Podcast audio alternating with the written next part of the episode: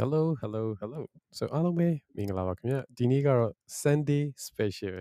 topic လေးပဲဖြစ်ပါတယ် so science behind meditation ဆိုတဲ့ topic လေးကို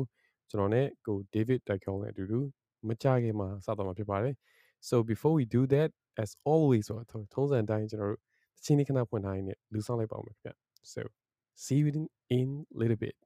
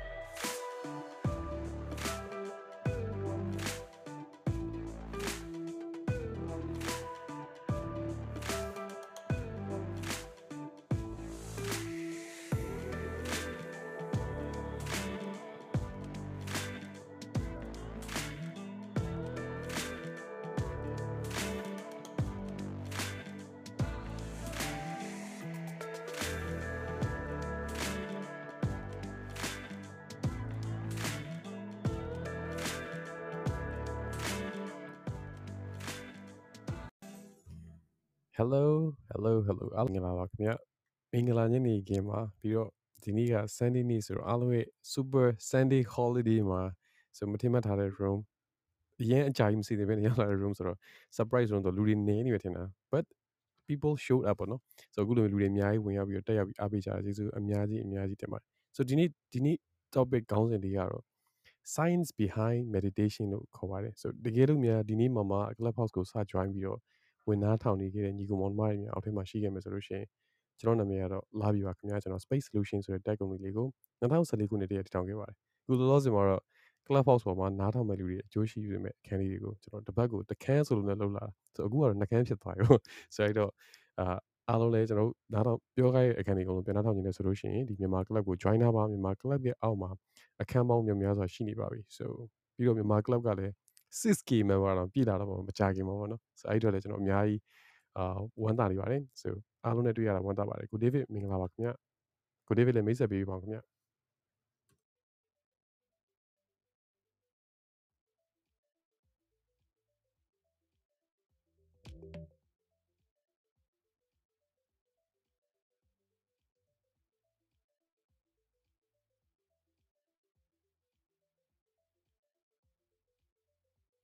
uh sorry i can't hear you ကိုကိုဒေးဗစ်ပြောတဲ့အတန်ကျွန်တော်မကြားရသေးဘူးဗျမိုက်တော့ပွင့်နေတယ် hello ဆိုတခြားလူတွေရောကြားလား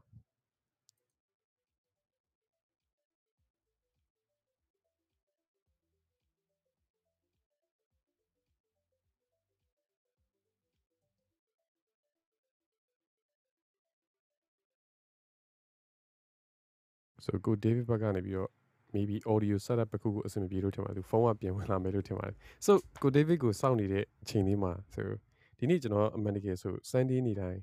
အာ newsletter ရေးနေကြပါဒီတစ်ပတ်မှာတော့ကျွန်တော် newsletter မရေးပြဘူးကျွန်တော်အကြောင်းကိစ္စလေးတွေရှိလို့အပြင်ဒီနေ့ရောက်နေခီးသွားနေကြအောင် so newsletter နေမပို့ပြဘူးဒါပေမဲ့ newsletter မှာနောက်လာမယ့်အပတ်က newsletter မှာကျွန်တော်မနေ့ကတင်ထားတဲ့ Instagram post ထဲမှာပါတဲ့ second brain လောက်တဲ့နီးကို Notion ထဲမှာလောက်ထားတဲ့နီးတော့ ဆိုအဲ့ template ကြီးကို share ထားပေးပါမယ်တကယ်လို့များအဲ့ဒါကိုစိတ်ဝင်စားတယ်ဆိုလို့ရှိရင်ကျွန်တော် link ချပေးထားမယ်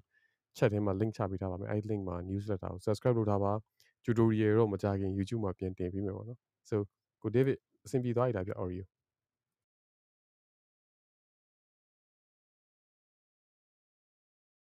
အဲကျွန်တော်တို့အခုဒီမကြားရသေးဆိုတခြားလူတွေကြားလားမကြားလားတခြားတော့ပြန်ပြောပြပါဦးဗျဆိုတခါလေးမှာအာမိုက်အဆင်မပြေတာဒါမှမဟုတ်လို့ရှိရင်လေ club deck နဲ့သုံးနေတာဆိုလို့ရှိရင် club deck ရဲ့ audio setting ရှိတယ်ဗျ။ so audio setting ဆိုတာညာဘက်က panel ထဲမှာရှိတဲ့ audio setting ဆိုတဲ့နေရာလေးကိုနှိပ်ပြီးတော့အာကိုယ့်ရဲ့ input တွေ output တွေကိုပြန်ပြီးတော့ပြောင်းကြည့်လိုက်ပါကွန်ပျူတာနဲ့သုံးနေဆိုရင်ပေါ့တကယ်လို့များဖုန်းနဲ့သုံးနေရဆိုလို့ရှိရင်အာဖုန်းရဲ့ headphone ကိုပြန်ပြီးတော့ချွတ်ပြီးတော့ဖြစ်ဖြစ်သုံးကြည့်တာဖြစ်ဖြစ်တက်ပြီးတော့ပြန်သုံးကြည့်တာဖြစ်ဖြစ်ဆိုအဲ့လိုမျိုးစမ်းကြည့်ပေးပါပြီးတော့ဒီကလေးမှာ wifi နဲ့မရတာမျိုးလည်းရှိတယ်ပေါ့နော်ဆို clubhouse က connection မကောင်းလို့ရှိရင်အဆင်မပြေတာမျိုးရှိတဲ့အတွက် ဆိုရမရလဲကိုအဆင်ပြေတဲ့ချိန်ကြလို့ရှိရင် mic လေးဖွင့်ပြီးတော့ပြောကြည့်ပေးပါဗျကျွန်တော်တို့အခုလောလောဆယ်ဒီမကြားသေးဘူး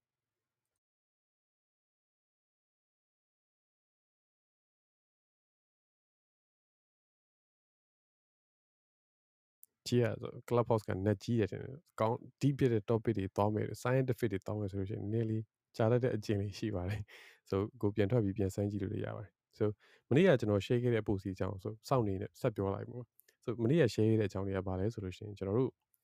para ဆိုတဲ့ technique နဲ့ကျွန်တော်တို့တွေကိုယ့်ရဲ့ digital second brain ကိုတိဆောက်တဲ့နည်းရောဆိုအဲ့နည်းလေးကိုကျွန်တော်ဆို Instagram မှာ post အနေနဲ့ကျွန်တော် share ထားတာရှိပါတယ်ဆိုတကယ်လို့များ check လုပ်ရသေးလို့ရှိရင်သွားလုပ်ကြည့်ပါအာကျွန်တော်ကတော့အတူချုံးပြီးရေးထားတော့တော်တော်များများနားလည်မလားနားမလည်မလားတော့ကျွန်တော်မသိဘူးเนาะဒါပေမဲ့ကျွန်တော်အတက်နိုင်ဆုံးတော့ကျွန်တော်ဒီမှာအရှင်းလင်းဆုံးရေးထားတယ် power ဆိုတဲ့အရာကဘာပြောရလဲဆိုလို့ရှိရင်ကျွန်တော်လှုပ်လှုပ်တဲ့ file လေးတွေကို folder လေးတွေခွဲပြီးတော့တင်နေနေပေါ့ ပထမပထမဆုံးလုပ်တာတော့ကျွန်တော်တို့ project တွေအကုန်လုံးစီကို့မှာ project ဘယ်နှခုရှိတယ် maybe စာအုပ်တုပ်ကိုရေးမယ်တို့ clubhouse event လုပ်မယ်တို့ဆိုတာဒါ project အကြီးတွေဖြစ်နေနားမို့လို့ရှိရင်လည်းဆို moon base က course plan တွေရေးမယ်တို့ဒါဆို project အကြီးတွေပေါ့ဆိုအဲ့ project အကြီးတွေကိုမှကျွန်တော်ကခုနကပြောခဲ့တဲ့အရာတွေတည်းဆို area တွေပြန်ခွဲလို့ရတယ်ဆိုဘယ် area တွေဒါ self development area လားဒါက business area လားဒါက knowledge study လုပ်တဲ့ area လားစသဖြင့် area တွေပြန်ခွဲပြီးတင်လို့ရတယ်ဆိုအဲ့လို area တွေခွဲပြီးတင်ထားပြီးတဲ့အရာတွေတဲမှာကျွန်တော် resource တွေတက်တက်ပြန်ပြီးတော့ သိမ်းလို့ရသည် resource ဆိုတဲ့ folder ထပ်ထားတယ်ဆို para ရဲ့အဲထိတ်ဆုံးစာလုံးတွေကဘာကိုယူထားလဲဆိုလို့ရှိရင် project area resource and archive ပေါ့ဆိုအဲ့ဒါကိုယူထားတာပေါ့နောက်ဆုံးမသုံးတော့တဲ့ဟာတွေအားလုံးကိုတော့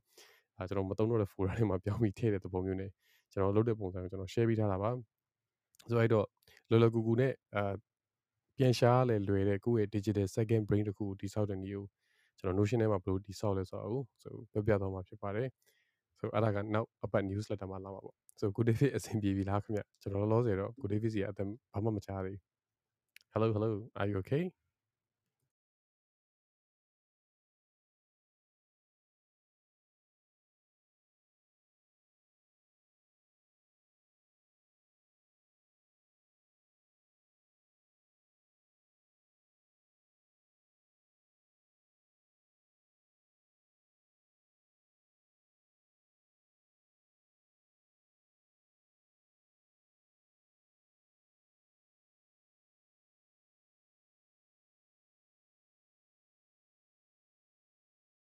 ကိုဒေးဗစ်ရဲ့ mic လေးတော့ mute သွားပြီဗျဆိုတစ်ချက်ပြန် on ပြီးတော့ပြန်ပြောကြည့်ပါဦး mic လေးကိုပြန် on ပြီးပြန်ပြောကြည့်ပါဦးဆိုဒီဒီ topic လေးကိုစပြတဲ့အကြောင်းလေးကနေပဲအရင်စအောင်လို့ဖြစ်နေဒီ topic လေးကိုကျွန်တော်တို့ဘာလို့စပြီးဖြစ်တယ်ဘယ်ချိန်ကစပြီးဖြစ်တယ်ဆိုလို့ရှိရင်ဒီအောက်တိုဘာလအစမှာတည်းကကျွန်တော်တို့စပြီးတော့ဒါကိုလုပ်ဖို့တဲ့စပြီးတော့ပြောခဲ့မိတယ်ပေါ့ဟာငါတို့တွေ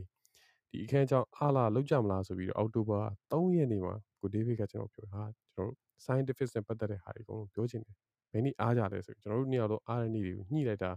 နောက်ဆုံးလက်ကွန်ကနေအပတ်ထိရောက်လာတယ်ပေါ့နော်ဆိုဒီနေ့ဒီချိန်ဒီဒီလိုနေရာထိရောက်လာခဲ့ပါတယ်ဆိုအဲ့မှာဒါကျွန်တော်ဆွေးနွေးနေဒီနေ့ပြောသွားမယ့်အကြောင်းတွေမှာ meditation အပိုင်းကို60%လောက်60%လောက်ကို science နဲ့ base လုပ်ပြီးတော့ Janet 40%ကိုကို David ကသူ့ရဲ့ experience ကို share ပြီးမယ်ဆိုတော့ကျွန်တော်သိရတယ်ပေါ့နော်အဲ့တော့ I'm so excited already I'm so excited already ပါ ဆိုအဲ့တော့ schedule လုပ်နေကျွန်တော်တို့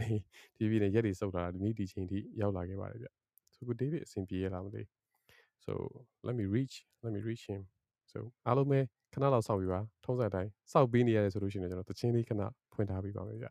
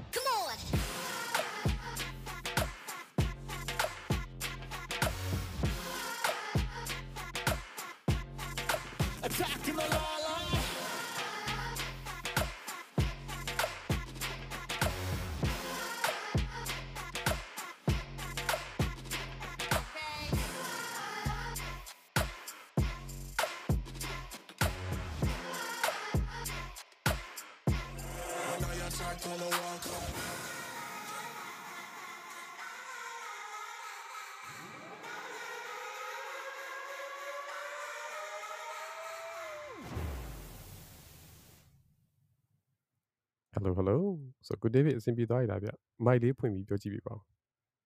မိုက်လေးက mute တော့ဖြစ်နေသေးတယ် so ဘယ်ဘယ်ကနေတုံးတာလဲမသိကွန်ပျူတာကနေတုံးတာဆိုလို့ရှိရင် control m နှိပ်လို့ရတယ် control m နှိပ်လိုက်လို့ရှိရင် unmute ဖြစ်သွားပြီးစကားပြောလို့ရတယ်ဗျမိုက်လေးကလောလောဆယ်မှာပိတ်နေသေးတယ်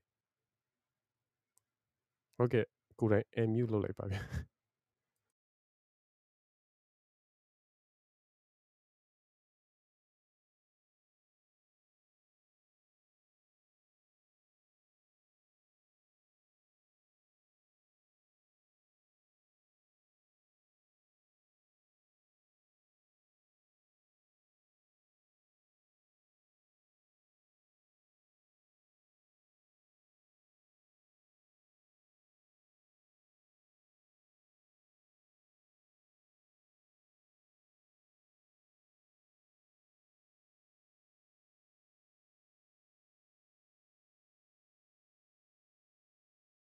ဟုတ်ကဲ့အခုထိတော့မကြားရသေးပါခင်ဗျာဆိုအခုဘယ်ကတုံးနေရလဲမသိဘူး maybe clubhouse ကတုံးတာလားအဲဒါမှမဟုတ်လို့ရှိရင်အာဖုန်းလေးရပဲတုံးတာလား I'm on my phone ဆိုလို့ရှိရင်ကျွန်တော်အခုထိမကြားရသေးပါ mic က mute ဖြစ်နေသေးတယ်ဗျဆို mic လေးကို unmute လုပ်ပြီးတော့စကားပြောလို့ရပါတယ်ဆို unmute လုပ်ကြည့်ပါဦးဗျ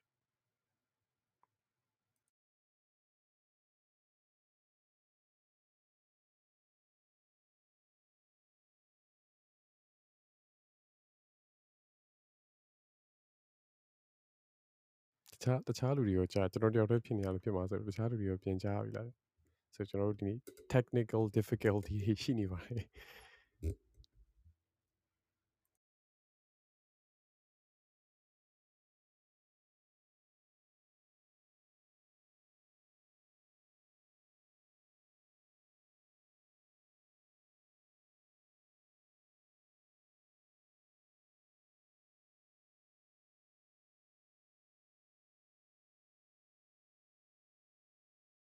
so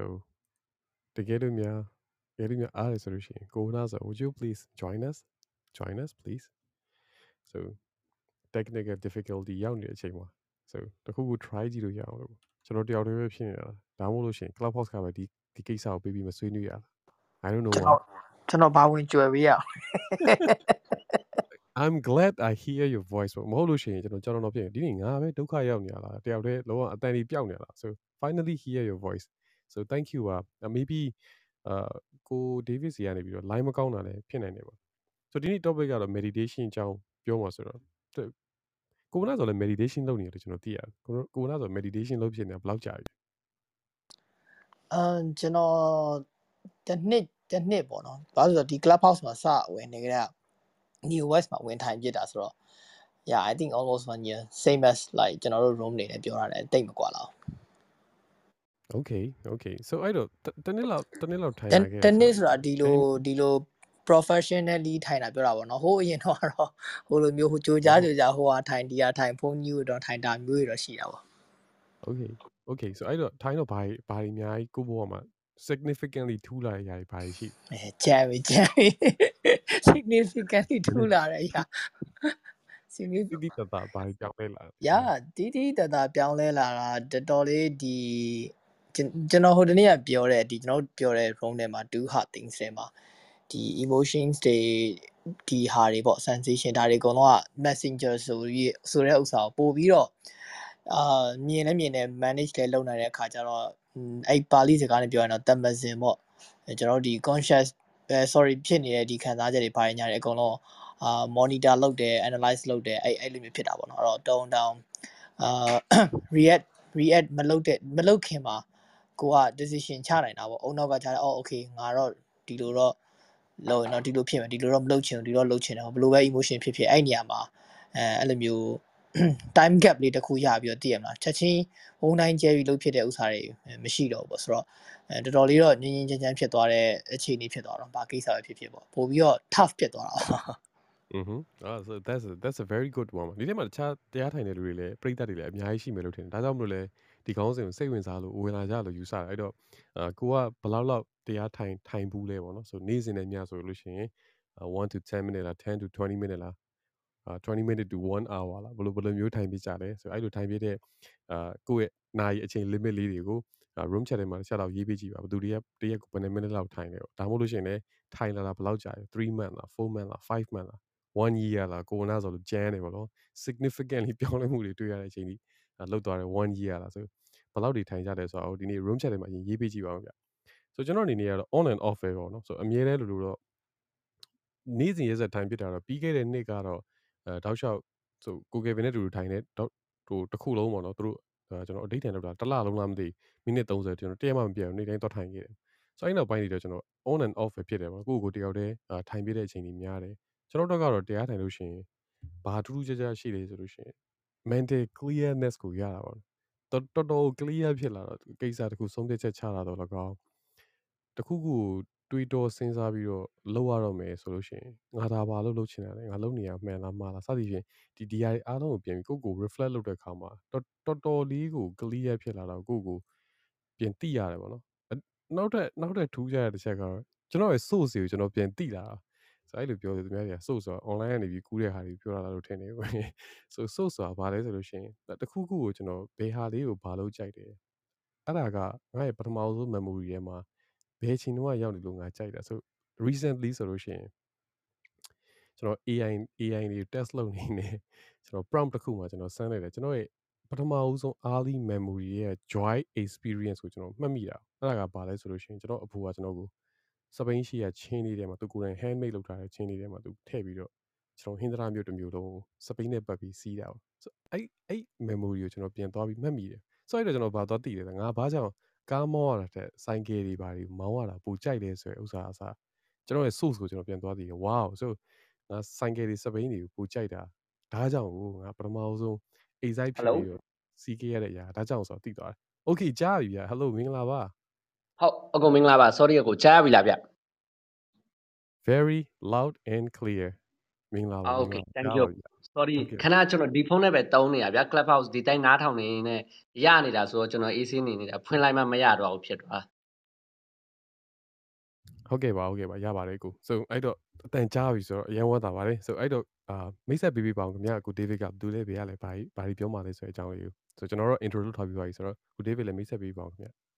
အော်ဟုတ်ဆိုတော့အားလုံးပဲမင်္ဂလာပါဆိုတော့ကျွန်တော်အရင်ဆုံးတော့တောင်းပန်ခြင်းနဲ့ပေါ့နော်ဆိုတော့နည်းနည်းလေးအချိန်ကြာသွားတယ် technically အာဒီမှာနည်းနည်းလေး inconvenience ဖြစ်သွားတဲ့အတွက် okay ဆိုတော့ကျွန်တော်နာမည်ကတော့ David ဖြစ်တယ်ပေါ့နော်ဆိုတော့ကျွန်တော်ကတော့ David ဖြစ်ပါတယ်ကျွန်တော်အဓိကလုပ်တာတော့ education industry မှာလုပ်တယ်ကျွန်တော် expert education visa service မှာ director အနေနဲ့အလုပ်လုပ်တယ်ပေါ့နော်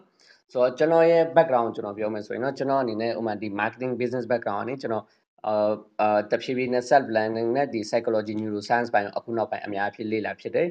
ဆိုတော့ဒီ meditation ကိုတော့ကျွန်တော်နှစ်နှစ်ခွဲလောက်ရှိပေါ့နော်နှစ်နှစ်ခွဲလောက်အဲ့ဒါလည်းကျွန်တော်ဘယ်လိုပုံစံလဲဆိုတော့ဥမာကျွန်တော်ကိုယ်တိုင်လည်းဥမာတချို့ issue တွေရှိခဲ့တယ်ပေါ့နော်ကျွန်တော်ကိုကျွန်တော်တီးဖို့ဥမာ23 24လောက်မှာ okay ကိုယ့်အနေနဲ့ဘယ်လိုပြောမလဲ midlife crisis လိုမျိုးပေါ့ဥမာဒါလည်းလောက်တယ်ဟိုရလည်းလောက်တယ်အကုန်လုံးလောက်နေတယ်လောက်တာတော့လောက်နေတယ်ဒါပေမဲ့ကိုကိုကိုဘာကောင်မှန်းအောင်မသိဘူးဆိုတော့အဲ့မျိုးဖြစ်နေတဲ့အချိန်မှာကျွန်တော်ဒီ meditation တွေ try ဖြစ်တာပေါ့နော် so basically အဲ့အနေစာလေ့လာဖြစ်တာပေါ့ so ဒါတော့ကျွန်တော်ရဲ့ briefly introduction ဖြစ်ပါတယ် ဟုတ်ကဲ့ပါကိုပြီးတော့ပြီးတော့ကျွန်တော်စိတ်ဝင်စားတာရှိတယ်ပေါ့ so so ဘာမှစီစဉ်ထားတာလည်းမရှိဘူး conversation နဲ့တိတ်မလို့ဖြစ်နေတရက်မှာ so ကို David ကရောက်လာပြီကျွန်တော်တို့ club house မှာစကားပြောကြမလားဆိုပြီးတော့ဒီကောင်းစဉ်ကိုရွေးပြခဲ့တဲ့အကြောင်းလေးကိုလည်းသိကြတယ်ပေါ့ so ဘာတွေကနေပြီးတော့အာ push လုပ်လိုက်လို့လဲတွန်းအားတွေလုပ်လိုက်လို့ဒီကောင်းစဉ်လေးစိတ်ထဲပေါ်လာတယ်အဲ့ဒါလေးလည်းပြောပြပြပါဦးဗျဟုတ်ကိုဆိုပထမဆုံးကတော့အကူနဲ့ကျွန်တော်တို့ပထမတစ်ကြိမ်လုပ်တယ်ပေါ့နော် ဆိုတော့ဥမာကျွန်တော်ကအများကြီးဘယ်လိုပြောမလဲစာတွေပါတယ်နည်းနည်းပါးပါးရေးဖြစ်တယ်ဒါပေမဲ့ဒီလို talk တွေပါတယ်ကျွန်တော်ကျွန်တော်အများကြီးမ join ဖြစ်ဘူးဒါပေမဲ့ဥမာဒီလိုကျွန်တော်တို့ education related တွေပဲလုပ်ဖြစ်တယ်ဆိုတော့ပထမတစ်ခါလုပ်ဖြစ်တဲ့ချင်းဘယ်လိုပြောမလဲကျွန်တော်ကဒီပြောမဆိုဒီ club house ကိုလည်းတိုင်းမသုံးဖြစ်ဘူးအကူနဲ့ပထမဆုံးလုပ်တာ first time ဒါကျွန်တော် second time သုံးတာပဲဆိုတော့အဲ့ချိန်ကဘယ်လိုပြောမလဲ experience တော်တော်လေးကိုရဖြစ်တာဗျာပြီးနောက်တစ်ခုဥမာကျွန်တော်ဒီအများဖြစ် meditation ပိုင်းနေရေးဖြစ်တယ်ပေါ့နော်ဆိုတော့ရေးဖြစ်တယ်ဒါပေမဲ့အများဖြစ်လူတွေကကျွန်တော်လာလာမေးကြတယ် ဆိုတော့လာလာမေးတော့ဥမာဒီဘယ်လိုစားလို့ရလဲဘာလုပ်လဲအာဘယ်လိုသွားတင်လဲဥမာဘယ်လိုစတင်လဲဥမာမေကွန်းအမျိုးမျိုးပေါ့ဒီ meditation နဲ့ပတ်သက်ပြီးသူတို့ machine နဲ့မေကွန်းလေးတွေဆိုတော့အမျိုးတွေလာမေတော့ဥမာအများဖြစ်ကျွန်တော်ကဥမာဒီအလုပ်တစ်ဖက်ရှုပ်တာကြောင့်ကျွန်တော်ဒီအပိုင်းနေဆိုကျွန်တော်ဒါကြီးအချိန်မပေးဖြစ်ဘူးဆိုတော့အချိန်မပြေးဖြစ်ဘူးဆိုတာနဲ့ဥမာတရက်လောက်တော့ဥမာဒီလိုအာ club house မှာပဲဖြစ်ဖြစ်တော့မဟုတ် zoom နဲ့ဖြစ်ဖြစ်ဥမာ webinar ဖြစ်ဖြစ်တခုလုပ်မယ်ပေါ့ဆိုတော့အဲ့မျိုးစဉ်းစားဖြစ်တာနဲ့အကူအကူကိုအဲ့နေရကျွန်တော်ဥမာ ဒီဆယ်လပိုင်းမှာကျွန်တော်ဂျားထဲမှာတော့ event တွေပါတယ်ကျွန်တော်နည်းနည်းရှုံနေဆယ်လပိုင်းထဲမှာနည်းနည်းအားတယ်လောက်ဖြစ်မယ်ဆိုပြီးတော့အခုကျွန်တော် text လုပ်တယ်ဆိုတော့အဲ့နေရာမှာကောင်းစရာလဲကျွန်တော်ဥမာဒီ science behind meditation ဆိုတာကျွန်တော်ကအားကြောင့်တတ်မှတ်လိုက်လဲဆိုတော့ဥမာကျွန်တော်ဒီ meditation ကိုလေ့လာကြတဲ့ဥမာဘယ်လိုပြောမလဲဥမာဒီကျွန်တော်တို့အများဖြင့်ကြီးပြင်းလာတဲ့ဥမာဒီ religious aspect တို့ဥမာဥမာနိဗ္ဗာန်ရောက်ဖို့တို့ဒီလို aspect တွေဆိုတာတဲ့ဥမာကျွန်တော်တွေးကြတာရှင်းရှင်းလေးပဲငေါ့ငါမသိနေဘူးဆိုတော့အဲ့နေမှာ အာကိုသိအောင် psychology neuroscience ပိုင်းနဲ့လေ့လာနေ okay meditation လည်း helpful ဖြစ်မယ်ဆိုတဲ့အပိုင်းကျွန်တော်သိသွားတယ်အဲ့ဒါနဲ့ practice လုပ်လုပ်သွားတယ်အဲ့ဒါနဲ့တစင်ဥမာကိုကိုပို့ပြီးတော့တည်လာတယ်ပေါ့နော်ဆိုတော့ဒီ aspect ကနေဥမာကျွန်တော်လေ့လာခဲ့တာ meditation ကိုလုံးဝ science ဘက်ကနေတွားခဲ့တာဆိုတော့အဲ့လိုဖြစ်တော့ဥမာ science behind meditation ကောင်းစဉ်က quality ဖြစ်မယ်လို့ကျွန်တော်တွေးလိုက်တာ Yeah so အဲ့အဲ့ဒီမှာကျွန်တော်စိတ်ဝင်စားတာကျွန်တော်ကကိုကို David line မရသေးဘူးအတန်မကြသေးတဲ့အချိန်မှာကျွန်တော်လည်းပြောပြတယ်ကျွန်တော်လည်း meditation လုပ်တဲ့အခါမှာကျွန်တော်ကျွန်တော်ရဲ့ source တွေကျွန်တော်ပြန်သိရတယ်လို့ရှေ့မှာလည်းပြောခဲ့တယ်ပေါ့နော်ဆိုကျွန်တော်ရဲ့ source တွေဆိုတာမှာဘာကြောင့်မလို့ဘယ်ဟာတွေကြိုက်တာအဓိကတော့ကိုကိုပြင်ပူနားလေလာအဲ့တော့ကို David ကကိုကိုနားလေတယ်ဆိုတာဘလို့ပိုင်းတွေကိုပူနားလေလာလဲဗျဆိုတော့အဲ့ဒါလေးလည်းပြောပြပြပါဦးဟုတ်ကဲ့ဆိုတော့ဥမာကိုကိုနားလဲတယ်ဆိုတော့ဥမာအများဖြည့်ပေါ့ဥမာကျွန်တော်တို့မှာပါတယ်ရှိလဲဆိုရင်ဥမာကျွန်တော်တို့အများဖြည့်ကျွန်တော်တို့ basically general လူတယောက်ပေါ့ general လူတယောက်ကပါလဲဆိုရင် okay အာမင်းဘာတူလဲဆိုရင်ဥမာဒီငါကောင်းငါလက်ဥမာထားလိုက်ဒီစိတ်ကငါစိတ်ဥမာငါပျော်နေတယ်ငါဝမ်းနေနေတယ်ငါစိတ်တူနေတယ်ဒါတွေကိုကိုယ်မှဖြစ်ပျက်နေတဲ့အရာတွေကိုကိုဆိုပြီးတော့ကျွန်တော်တို့ identify လုပ်တယ်ဗျာဒါပေမဲ့ဥမာကျွန်တော်တို့ကအဲ့အရာမဟုတ်ဘူးအဲ့ဒါတွေကကျွန်တော်တို့ရဲ့ personal ပဲ example ပြောမယ်ကျွန်တော်အခုပြောနေတယ်ကျွန်တော်ခဏနေစိတ်ဆိုးနေတယ်ကျွန်တော်ခဏနေပြန်ပြီးတော့ငိုနေတယ်နောက်တစ်ချိန်မှာကျွန်တော် set ဖြစ်နေတယ် ဟိုမှာဒုံမတယောက်ယောက်ကိုကျွန်တော်စိတ်တူနေတယ်ဆိုတော့အဲ့ချိန်မှာဒီစိတ်တူတာကငါဒီဝမ်းနေနေတာကငါဒီပျော်နေတာကငါဒီရည်နေတာကငါဆိုပြီးတော့ကျွန်တော်တို့က identify လုပ်တယ်ဆိုတော့အဲ့လို identify လုပ်နေတဲ့အချိန်မှာကျွန်တော်တို့မှာဘာဖြစ်လဲဆိုရင်ပျော်တဲ့အချိန်မှာကျွန်တော်တို့လုံးဝပျော်တယ်ငါတော်တယ်ငါကောင်းတယ်ဥမာငါဘဝကောင်းတယ်အဲ့မျိုးပုံစံတွေကျွန်တော်တို့တွေ့တယ် okay စိတ်ဆိုးစရာဖြစ်နေရင်ငါဘာလို့ဒီလိုစိတ်ဆိုးတာလဲဒုံမဥမာ ဘယ်လိုပြောမလဲငါမှဒီလိုအကျင့်မကောင်းတာတွေဘာလို့ရှိနေရလဲဆိုတော့ကျွန်တော်တို့ကအဲ့လို personal တွေနဲ့ကျွန်တော်တို့ identify လုပ်တယ်ဆိုတော့ကျွန်တော်မှလည်းအဲ့လို identity crisis တွေဖြစ်လာတယ်ပေါ့အဲ့လို identity crisis တွေဖြစ်တယ်ဆိုတော့ကျွန်တော် meditation လုပ်တဲ့နောက်ပိုင်းမှာကျွန်တော်ပို့ပြီးတော့နည်းနည်း conscious ဖြစ်သွားပေါ့ conscious ဖြစ်သွားတဲ့အချိန်မှာဘာဓရိထားမိသွားလဲဆိုတော့ဥမာကျွန်တော်မှဖြစ်ပျက်နေတဲ့အရာတွေကျွန်တော်ဥမာတစ်ခါတလေဝမ်းနေတဲ့တစ်ခါတလေပြောတယ်တစ်ခါတလေအာဘယ်လိုပြောမလဲအာဒေါရထွက်တဲ့တစ်ခါတလေဥမာ အာဒီငိုတယ်အဲ့လိုဖြစ်ပျက်နေတဲ့အရာတွေကကျွန်တော်မဟုတ်ဘူးဆိုတော့ကျွန်တော်ကောင်းကောင်းမြင်သွားတယ်ဆိုတော့အဲ့အချိန်မှာ okay ကျွန်တော်ဆိုတာဘာလဲဒါဆို who is i ဆိုတော့ငါဘာတူလဲဆိုတော့အဲ့ချိန်ကျွန်တော်ဒတိထားလိုက်တယ်ဒီငိုတာကိုလည်းငါမြင်နေတယ်ငါမှ okay ဒီမှာငါငိုနေတယ်ဘာတူမြင်လိုက်တယ်ကျွန်တော်မြင်လိုက်တယ် okay sad ဖြစ်နေတာကိုလည်းကျွန်တော်မြင်လိုက်တယ် angry ဖြစ်နေတဲ့လူကိုလည်းကျွန်တော်မြင်လိုက်တယ်ပျော်နေတဲ့လူကိုလည်းကျွန်တော်မြင်လိုက်တယ်ဆိုတော့ဒီဟာအားလုံးကို ကျွန်တော်တို့မှာဖြစ်ပျက်နေတဲ့ဒီ personal emotions အကုန်လုံး identify မလုပ်ဘဲနဲ့ဘေးနားနဲ့တက်ပါတီအနေနဲ့ကြီးနေတဲ့လူတယောက်ကကျွန်တော်ခေါင်းထဲမှာရှိနေတယ်ဆိုတော့ consciousness တစ်ခုကကျွန်တော်ဖြစ်တယ်ဆိုတဲ့ပုံစံပေါ့နော်ဆိုတော့အဲ့မျိုးမြင်လိုက်တော့ okay အရင်တော့ဆိုရင်ဘာဖြစ်လဲဆိုရင် okay ဒေါ်လာထွက်တယ်ဆိုရင်ဒုမဟုတ်ဒေါ်လာထွက်တော့ထွက်တော့မယ်ဆိုရင် okay ငါဒေါရထွက်တော့မှငါဒေါရကြီးတယ်ဥမာတို့မို့ငါဝမ်းနည်းနေတယ်ဥမာ depression ထဲမှာရောက်တော့တယ်ငါပျော်နေတယ်အဲ့မျိုးဆိုတာတဲ့ okay ဒေါရထွက်တော့မယ်ဆိုအခုနောက်ပိုင်းဘာဖြစ်လဲဆို okay ဒီမှာငါခေါင်းထဲမှာငါအခုဒေါရထွက်ချင်တဲ့ပုံစံဖြစ်နေတယ်ငါဝမ်းနည်းချင်တဲ့ပုံစံဖြစ်နေတယ်ဒါပေမဲ့အဲ့ဒါငါမဟုတ်ဘူးဘာလဲဆိုဒီဒေါရထွက်တဲ့ set ဖြစ်တယ်ပျော်ရွှင်ခြင်းနဲ့ဝမ်းနည်းခြင်းနဲ့ဒီအရာတွေကကျွန်တော်ဒီပတ်ဝန်းကျင်ရဲ့ outcome တွေဟုတ်တယ်ကျွန်တော်ဘေးပတ်ဝန်းကျင်မှာဖြစ်ပျက်နေတာတွေရဲ့ outcome တစ်ခုဟုတ်တယ်ဒါပေမဲ့ဒီဟာတွေရဲ့ untouch ဒါတွေမထိပဲနဲ့အပြင်မှာနေနေတဲ့တယောက်ရှိတယ်အဲ့ဒါကြတော့ဟိုမှာ तू က ever ဘယ်လိုပြောမလဲ သူ့မှာ flow တစ်ခုရှိပြီဒါပဲသူ့မှာပျော်ရွှင်မှုမရှိဘူးဝမ်းနည်းမှုမရှိဘူးစိတ်တုန်မှုမရှိဘူးဆင်းရဲမှုမရှိဘူးဒီ consciousness တစ်ခုရှိနေတယ်ဘာလဲဆိုဥမာကျွန်တော်တို့ခန္ဓာကိုယ်တစ်ခုလုံးမှာကျွန်တော်တို့မွေးကတဲ့ဟိုဟာတည်တဲ့ချိန်ထိကျွန်တော်တို့ကြည့်ကြည့်အောင်ဥမာခန္ဓာကိုယ်လည်းကျွန်တော်တို့ဥမာငယ်ငယ်လေးတုန်းကနှုတ်တယ်အသက်အရွယ်တစ်ခုရောက်တော့ယဉ်တယ်ဥမာတစ်ခုနဲ့ကျွန်တော်တို့ခန္ဓာကိုယ်လည်းဘယ်လိုပြောမလဲ state တစ်ခုတစ်ခုတစ်ခုပြောင်းသွားတယ်ဥမာကျွန်တော်တို့ရဲ့ emotion တွေဟိုတရက်ထဲမှာတော့ကျွန်တော်တို့ emotion 20လောက်ရှိတယ် ဆိုတော့ဒီ emotion တွေအကုန်လုံးကအများတန်းပြောင်းလဲနေတယ်ဆိုတော့ဒီဟာတွေကိုကျွန်တော်တို့ကကျွန်တော်တို့ identify သွားလုပ်မယ်ဆိုရင်ဒါကကျွန်တော်တို့ရဲ့ true self ဖုံးမယ်လို့မထင်ဘူးဆိုတော့အဲ့နဲ့မှာအကုန်လုံးမှာတူနေတဲ့အရာတစ်ခုကျွန်တော်ဗာတတိထားမိလဲဆိုအဲ့ consciousness တတိထားမှုပေါ့ငါအသားဖြူတယ်ငါအသားမဲတယ်ငါချောတယ်ငါလာတယ်အဲဒါမှမဟုတ်ငါရုပ်ဆိုးနေတယ် အာတော့ငါအရက်ပူတယ်ငါအရက်ရှိတယ်ငါစိတ်တုန်နေတယ်ငါဝမ်းနေနေတယ်ဆိုတော့ဒီအရာအားလုံး absorb လုပ်နေတဲ့အရာ constant အရာတစ်ခုရှိတယ်ကျွန်တော်တို့တဘဝလုံးမှာအဲ့ဒါ constantly တစ်ခုရှိနေတယ်အဲ့ consciousness ကကျွန်တော်ဖြစ်တယ်ဆိုတဲ့အရာကိုကျွန်တော်မြင်တော့ပေါ့နော်ကိုပြောမယ်ဆို Hmm that's a very deep one so very very deep one so အဲ့တော့အဲကျွန်တော်က normally ဆိုလို့ရှိရင်ဒီတိုင်းဖြစ်ချင်ရတဲ့ပုံမှာ live ဖြစ်တာကိုခံစားနေတာတသက်တစ်ခုအဲ့ဒါတွေနဲ့လုံးဝ attach မလုပ်ရသေးတဲ့ဟာတစ်ခုဆိုတော့ ဆိုလူဒီမှာအားလုံးထဲမှာနှစ်ခုစီတော့စိတ်ကရှိနေကြတယ်လို့ပြောချင်တာဆိုအပြင်မှာတကယ်ဖြစ်ပြီးတော့ရအားလုံးကို like ခံစားနေရတာတစ်ခုအခုပြောအခုပြောတဲ့ပုံမှာကျွန်တော်နားလည်လိုက်တာဆိုလို့ရှိရင်မဟုတ်ဘဲနဲ့ကိုကိုကို constantly ဆိုတာလုံးဝနောက်ကွယ် background နေပြီးတော့ရှော့အမြဲတမ်းအမြဲတမ်းအမြဲတမ်းအမြဲတမ်းအမြဲတမ်းဒီဟာအားလုံးနဲ့ attach မလုပ်ရသေးတဲ့နေရာတစ်ခုအဲ့ဒါကမှ true self လို့ပြောချင်တာဆိုကျွန်တော်နားလည်လိုက်တာဟုတ်တယ်ဗျကျွန်တော်မြင်တာအဲဥမာကျွန်တော်တို့ရဲ့ဒီကျွန်တော်တို့မှာဖြစ်ပျက်နေတဲ့ဒီ dramas တွေပေါ့နော်ဥမာ emotion တွေပျော်ရွှင်မှုဝမ်းနည်းမှုဆင်းရဲမှု ဒါတွေအကုန်လုံးရဲ့ untouched self တစ်ခုရှိတယ်အဲ့ဒါကျွန်တော်တို့ရဲ့ true self ဖြစ်တယ်လို့ဒါကျွန်တော်ကျွန်တော်ရဲ့လက်ဘယ်လိုပြောမလဲလေ့လာမှုအရာကျွန်တော်မြင်တာပေါ့နော် Mhm so that's a very interesting interesting so အဲ့အဲ့လိုမျိုးအရာကိုတွေးဖို့အတွက်ဆိုလို့ရှိရင်ကို David ကဘယ်လောက်အချိန်ယူခဲ့ရလဲ so basically ဥမာကျွန်တော်ဒီ meditation ကိုကျွန်တော်စလုပ်တာဒီ2020ဒီ covid တဝိုက်မှာပေါ့ဥမာကျွန်တော်အဲ covid တဝိုက်မှာဘာဖြစ်လဲဆို okay အကုန်လုံးအလုပ်တွေဟိုရဖြစ်တယ်လေ covid တွေပါတွေဖြစ် panic တွေပါတွေဖြစ် so အဲ့ချိန်နားလိုက်တယ် so ကျွန်တော်နားလိုက်တဲ့အချိန်မှာကျွန်တော်အဲ့ချိန်မှာဥမာဘယ်လိုပြောမလဲ okay ဘာမှလည်းလုပ်စရာမရှိဘူး so ဘာလုပ်မလဲဆိုတော့ okay အာဒီကျမ်းမှာအဲ့ချိန်ကလူတွေအကုန်လုံး health conscious တွေဖြစ်တော့ကျွန်တော်လည်းနည်းနည်း conscious ဖြစ်သွားရောဆိုတော့အဲ့ချိန်မှာ okay အားနေတယ်ဘာလို့မလဲဆိုတော့ကျွန်တော် south တွေအတေဖတ်တယ်အဲ့ချိန်မှာ south တွေအတေဖတ်ဒီချိန်ကျွန်တော်ဒီ meditation mind တွေကိုကျွန်တော်တွားဖြစ်တယ် ဆိုတော့ဒီ meditation mind တွေမှာတွားဖြစ်တဲ့အချိန်မှာအခု sorry question တစ်ချက်ပြောပြပါအောင်ကို so ဒီဒီလိုမျိုး meditation နဲ့ခုနကပြောတဲ့ကိုကိုကို self ကိုတွေးဖို့တဲ့အချိန်ဘယ်လောက်လောက်ယူခဲ့ရလဲပေါ့ဆိုတော့အဲ့ဒါလေးသိချင်ဟုတ်ဆိုတော့အဲ့ချိန် okay sorry sorry ကိုဆိုတော့အဲ့ကျွန်တော်ဒီ meditation mind နေကျွန်တော်အာဒီဥမာလေ့လာတယ်ပေါ့နော်ဆိုတော့အဲ့ချိန်မှာကျွန်တော်ဥမာလေ့လာတဲ့ meditation ဥမာကျွန်တော် vipassana တို့ဥမာဒီ sudarshan kriya ဒီ chakra meditation အကုန်လုံး try နေဆိုတော့ပထမ try နေကျွန်တော်ရဲ့6 6လ state state မှာပေါ့နော်6လ state မှာဥမာဘာဖြစ်လဲဆိုတခါတလေကျွန်တော်ဥမာဘာဖြစ်လဲဆိုကျွန်တော်တို့ meditation လုပ်တဲ့ချိန်အများဖြစ်လုပ်တဲ့အမှာဥမာ10ရက်လုပ်တယ်ရက်20လုပ်တယ်ရက်45ရက်လုပ်တယ်ကျွန်တော်ကျွန်တော်ပထမ6လမှာလည်းဘာဖြစ်လဲဆိုတခါတလေရက်4မိနစ်40လုပ်လိုက်တယ်နောက်ရက်5မိနစ်မနိုင်နောက်ရက်မလုပ်ဖြစ်ဘူးနောက်10မိနစ်လုပ်ဖြစ်တယ်နောက်တော့ကျွန်တော်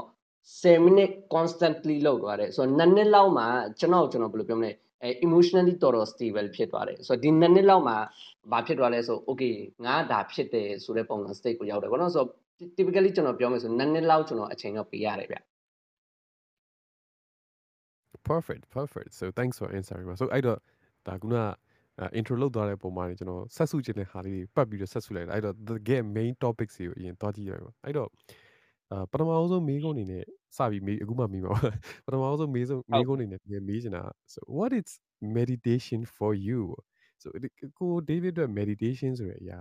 ဘယ်လိုရမြင်ပြဘာကြောင့်လဲအဲ့လိုမေးလဲဆိုလို့ရှိရင်တချို့လူတွေအတွက် meditative state ဆိုတာ EDM နားထောင်နေတဲ့အချိန်ဒီမှာလည်းဖြစ်နိုင်တယ်ပေါ့နော်ဆိုတော့သူတို့က flow state လို့ meditative state လို့လည်းပြောကြမျိုးမျိုးရှိတယ်ဆိုတော့ကို David အတွက်ကော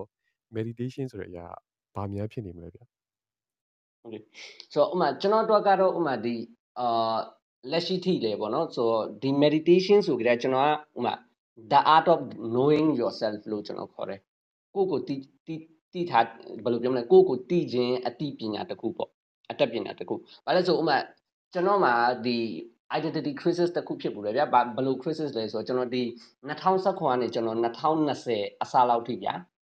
ဆိုတော့ကျွန်တော်စာအုပ်ပေါင်း300လောက်ဖတ်ဖတ်ပူတယ်အဲ့အချိန်မှာကျွန်တော်ဒီ app တွေတုံးပြီးတော့ပေါ့ ဆိုတော့ကျွန်တော်စာအုပ်တောက်ဖတ်တယ်တောက်ဖတ်တယ်တောက်ဖတ်တယ်ဆိုတော့ဒီစာအုပ်တွေဖတ်တဲ့ချိန်ပါလေဒီဒီကမှာကျွန်တော် personality ကိုတောက်တစ်ခုပြောတယ်နောက်တစ်ခုမှာနောက်တစ်ခုကိုပြောတယ်ဆိုတော့အမေဒါတွေအကုန်လုံးလုတ်ပြီးတော့နောက်ပိုင်းမှာဆိုတော့ကျွန်တော်ဥမာဒီကောင်ဒါပြောတာလည်းမှန်နေတယ်ဟိုဆောင်မှဒါပြောတာလည်းမှန်နေတယ်โอเคဆိုတော့ဒီဟာတွေအကုန်လုံးတိထားတဲ့အချိန်မှာโอเคကျွန်တော်ကဘယ်လိုပြောမလဲပို့ပြီးတော့ဖတ်လေလူကပို့ပြီးတော့ confuse ဖြစ်လေပေါ့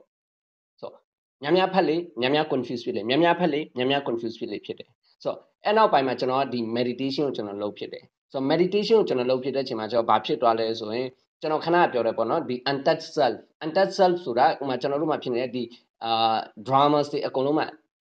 အပြင်မှာရှိနေတဲ့ self တစ်ခုကိုကျွန်တော်မြင်သွားတယ်ဆိုတော့အဲ self ကိုရှိနေတော့ကျွန်တော်ကနေ့စဉ်ဘဝမှာဘာဖြစ်လဲဆိုရင်ကျွန်တော်မှာကျွန်တော်ခဏပြောတယ်ဥမာကျွန်တော်မှာဖြစ်ပျက်နေတဲ့ဒီ emotion five sense မှာဖြစ်နေတဲ့ emotion အကုန်လုံးကလည်းကျွန်တော် daily life မှာရှိနေတယ်ဒါပေမဲ့အဲ untouched self ကကျွန်တော် ဘယ်လိုပြောမလဲပွင့်သွားတယ်ပေါ့အိမ်တော့ကကျွန်တော်မှာဒီ self ရှိတယ်လို့ကျွန်တော်ဂရုမစိုက်မိဘူးဆိုတော့ဒီချိန်မှာကျွန်တော်ဘာဖြစ်လဲဥမာအလုံးမှာစိတ်အာမပျော်ဘူးဆိုဥမာမပျော်ဘူးဆိုပြီးတော့ကျွန်တော်နေတယ်ဒါမှမဟုတ်ဝမ်းနေနေတယ်ဆိုဝမ်းနေနေတယ်ဆိုပြီးတော့နေတယ်ဆိုတော့ဒီနေရာမှာကျွန်တော်ကကျွန်တော်မှာဖြစ်နေတဲ့ဒီ persona dramas အကုန်လုံးကိုကျွန်တော်ဆိုပြီးတော့ကျွန်တော်ကကင်ထားမိတယ်ဗျာဒါပေမဲ့အဲ meditation လုပ်လိုက်တဲ့ချိန်မှာကျွန်တော်ရဲ့အဲ untouched self တခုမြင်သွားတော့ okay ငါစိတ်တူနေတယ်ငါဘာဖြစ်နေတယ်ငါဘာဖြစ်နေတယ် okay ဒါ ဒါတော့ငါရဲ့ဒီ self ကဒါဖြစ်နေတယ်ဒါဒါဒါဖြစ်နေတယ်ဆိုပြီးတော့ကျွန်တော်မြင်သွားတယ်ဆိုတော့အဓိကကျွန်တော်တို့ meditation တော့ဗာလဲဆိုရင်အာ the art of knowing true self ပေါ့ကိုကိုတည်ခြင်းအသိပညာတစ်ခုဖြစ်တယ်လို့ကျွန်တော်မြင်တယ်ဗျဟုတ် Yeah, that's a very very beautiful way to put it. So အရင်အရင်ကိုလှပတယ်ကြပြားတော်ရဲဆန်နေတယ် The art of knowing yourself အမှန်တမ်းပြောလို့ရှိရင်တော်တော်ကြီးကျယ်တဲ့အရာလို့တော့ပြောလို့ရတယ်။အမှန်တမ်းပြောလို့ရှိရင် အခုခေတ်ဒီထဲမှာရှိတဲ့လူငယ်တွေတော်တော်များများအားလုံးအားလုံးကျွန်တော်အပါဝင်ရောပေါ့ကျွန်တော်တို့ information အရင်ကျွယ်ဝတဲ့ခေတ်ထဲမှာနေနေတာဖြစ်တဲ့အတွက်အရင်အရင်ခေတ်ကလူတွေတဲ့ကျွန်တော်တို့ကအရာရာကိုပိုသိနိုင်ကြတယ်ပေါ့အရာရာတွေအများကြီးပစ္စည်းတွေအရာတွေအများကြီးတော့ပိုသိကြပါမယ်ကျွန်တော်တို့ကတဖြည်းဖြည်းနဲ့ကိုကိုကိုသိတဲ့နှုံးကတဖြည်းဖြည်းနဲ့ကြာကြာကြာကြာလာတယ်ပေါ့နော်ကိုကိုဆိုတိတ်ပြီးနားမလဲသူများတွေတော့အရင်နားလဲဒါကြောင့်လို့ advice ပေးဖို့အတွက်ဆိုအများလူတွေက ready ဖြစ်နေဒီ KG ထဲမှာအမေဒါလေးတော့မသိတာဒီမှာတော့ဖတ်လို့ရတယ်ငါသိပြီးသား ငါဒါတွေဖတ်ပြီးသားဒီစာအုပ်ထဲမှာဒါပါတယ်မင်းမသိသေးဘူးလားဆိုအဲ့ဒီမှာပါတဲ့ຢာတွေတိုင်းကိုကိုကိုကိုတကယ်သိပြီလားဆိုလို့ရှိရင်တော့အဲဆိုပြီးဖြစ်သွားကြအများဆိုအဲ့တော့အဲ့နေရာမှာ out of မျိုးဖြစ်နေပေါ့ဟုတ်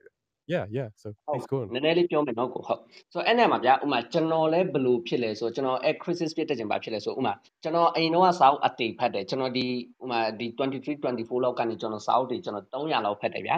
ဆိုတော့ဥမာကျွန်တော်တို့စာအုပ်တွေအတေဖတ်ပြီးသွားပြီဆိုရင်ကျွန်တော်တို့ဘာဖြစ်သွားလဲဆိုရင် paralyze ဖြစ်သွားတယ်ကျွန်တော်တို့လေ mhm စာအုပ်နည်းနည်းစာအုပ်နည်းနည်းဖတ်တဲ့လူစာအုပ်မဖတ်တဲ့လူက paralyze ဖြစ်တယ်ဒါပေမဲ့စာအုပ်ကိုလိုအပ်တာထက်ပိုဖတ်ဖတ်တဲ့လူလည်း paralyze ဖြစ်တယ်ဘာလဲဆိုရင်ဥမာကျွန်တော်တို့ကဘာလဲဆိုအများကြီး theoretical knowledge တွေပဲကျွန်တော်တို့ခေါင်းထဲမှာရှိတယ်ဘဒူကဘာပြောတယ်ဘဒူကဘာပြောတယ်ဘဒူကဘာပြောတယ်ဘဒူကဘာပြောတယ်အားလုံးပြောတာတော့မင်းသိနေဒါပေမဲ့မင်းတဲ့ကမင်းထဲမှာရှိတဲ့ main self ကဘာပြောလဲဆိုတာမင်းသိလားမသိသေးဘူးဘာလဲဆိုမင်းကအကုန်လုံးကိုနားထောင်တယ်ဒါပေမဲ့ မင်းထဲမှာရှိတဲ့ true self ဒါမှမဟုတ်မင်းထဲမှာရှိတဲ့ self ကိုမင်းက ignite လည်းမလုပ်သေးဘူး awake လည်းမလုပ်သေးဘူးဘာလဲဆိုကျွန်တော်တို့ကမွေးကြတဲ့ကျွန်တော်တို့ဒီ condition တစ်ခုမှနေရတယ်ဗျာဆိုတော့ကျွန်တော်တို့ထဲမှာရှိတဲ့ဒီ self ကအမြဲတမ်း sleep ဖြစ်နေတာအိတ်နေတာဆိုတော့အဲအိတ်နေတာကိုနိုးပြီးမှပဲကျွန်တော်ကဘာဖြစ်လဲဆိုရင်ကျွန်တော်တို့ကိုကျွန်တော်တို့သိတယ်ဗျာမောရင်ရှိတဲ့စာအုပ်တစ်ထောင်လောက်ပဲဖက်ဖက်ဘလောက်ပဲထက်တဲ့ဒါပေမဲ့ကိုယ့်ကိုသိအောင်မလုပ်ထားဘူးဒို့မဟုတ်ကိုယ့်ကို awake မလုပ်ဘူးဆိုရင်အဲ့လူက still စာအုပ်မဖတ်တဲ့လူပုံစံအဲ့လောက်ထိတော့ဆိုမှမဟုတ်ဒါပေမဲ့တနေရာမဟုတ်တနေရာမှာ loss ဖြစ်နေမယ်လို့ကျွန်တော်မြင်တယ်ဗျာ mhm yeah so that that's very true ပေါ့နော်ဘာကြောင့်လဲဆိုတော့စာအုပ်တွေအများကြီးဖတ်ပြီးသွားတဲ့အခါမှာ the more you know the more you don't know ဆိုတာသိသိလာတယ်ပေါ့နော်စာအများကြီးဖတ်ပြီးသွားတယ်ကိုမသိတာအများကြီးရှိသေးတယ်ဆိုတာသိလာတဲ့အခါမှာငါသိတာရောဘယ်လောက်သိနေလို့လဲဆိုပြီးတော့ question တွေပြန်ထုတ်ပြီးတော့ဒါကိုကို David ပြောသလိုပဲ paralyze ဖြစ်သွားနိုင်တယ်ပေါ့ so listen yourself လို့ဖို့အရင်လိုတယ်လို့အဲ highlight လုပ်သွားတာလည်းတွေ့ရတယ်အဲ့တော့စိတ်ဝင်စားစရာတစ်ခုလည်းအဲ့ထဲမှာပြောသွားတဲ့ထဲမှာပါတယ်ပေါ့ so အထဲတွေကကျွန်တော်တို့ကတကယ် true self ကအိတ်နေကြတာများတယ်ဆိုတော့နှိုးရမယ်နီးရရှိတာဆိုဘယ်လိုမျိုးနှိုးလို့ရလဲ shock တွေပါရရမှာ okay ဆိုတော့ဒီကျွန်တော်တို့ထဲမှာဒီဘယ်လိုပြောမလဲအဲ့နေတဲ့ကျွန်တော်တို့ self ကကျွန်တော်တို့ဒီ consciousness လို့ခေါ်တယ်ဗျာစီဒီ consciousness ကျွန်တော်တို့ရဲ့တိစိတ်တစ်ခုပေါ့ဆိုတော့ consciousness ဆိုတော့ဒီ consciousness ကိုဥမာကျွန်တော်တို့ထဲမှာ तू ကရှိတယ် ဒါပေမဲ့ ဘာကြောင့်အိတ်နေလဲဘာကြောင့်ဝေရသူဖြစ်နေလဲဆိုတော့ကျွန်တော်တို့မှာဥမာဒါအများကြီးသိပြီးသားလည်းဖြစ်မယ်ကျွန်တော်တို့ conscious and unconscious ဒီကျွန်တော်တို့မှာတီးစိတ်နဲ့မတီးစိတ်ရှိတယ်ဆိုတော့ဒါမဲ့ကျွန်တော်တို့ရဲ့ဒီမတီးစိတ်ကကျွန်တော်တို့ရဲ့တီးစိတ်ထက်ရှင် million time powerful ဖြစ်တယ်ဆိုတော့ဒီနေရာမှာမတီးစိတ်နဲ့တီးစိတ်ကိုဥမာအရာဝတ္ထုအနေနဲ့တွားပြီးတော့ကျွန်တော်တို့ရှင်းမယ်ဆိုရင်မတီးစိတ်ကစင်ဖြစ်တယ်တီးစိတ်ကပရွက်စိတ်ဖြစ်တယ်ဆိုတော့ powerful ဖြစ်တာအလောက်ထိกว่าတယ်ဗျာ ဆိုတော့ဒီနေရာမှာကျွန်တော်တို့လူတွေက90% unconscious ဖြစ်တယ်ကျွန်တော်တို့ဘဝအလုံးမှာပေါ့ဘာလဲဆိုကျွန်တော်တို့ကဘာဖြစ်လဲဆိုရင်ကျွန်တော်တို့ basically ဘာလုပ်လဲကျွန်တော်တို့ရဲ့5 sense ဒီကျွန်တော်တို့ရဲ့အာယုံ၅ပါးနဲ့ပတ်ဝန်းကျင်မှာရှိတဲ့အရာတွေကိုယူတယ်ဆိုတော့ဒီပတ်ဝန်းကျင်မှာရှိတဲ့အရာတွေကိုကျွန်တော်တို့ absorb လုပ်တယ်ဒီ၅ပါးနဲ့ absorb လုပ်ပြီးတော့ရင်ဒီ unconscious unconscious ကဘာလုပ်လဲဒီမတိစိတ်ကဘာလုပ်လဲဆိုရင်ကျွန်တော်တို့တဲမှာအဲ့အရာတွေကိုတွတ်တွင်းတယ်ဆိုတော့ဒီနေရာမှာမတိစိတ်ရဲ့အာ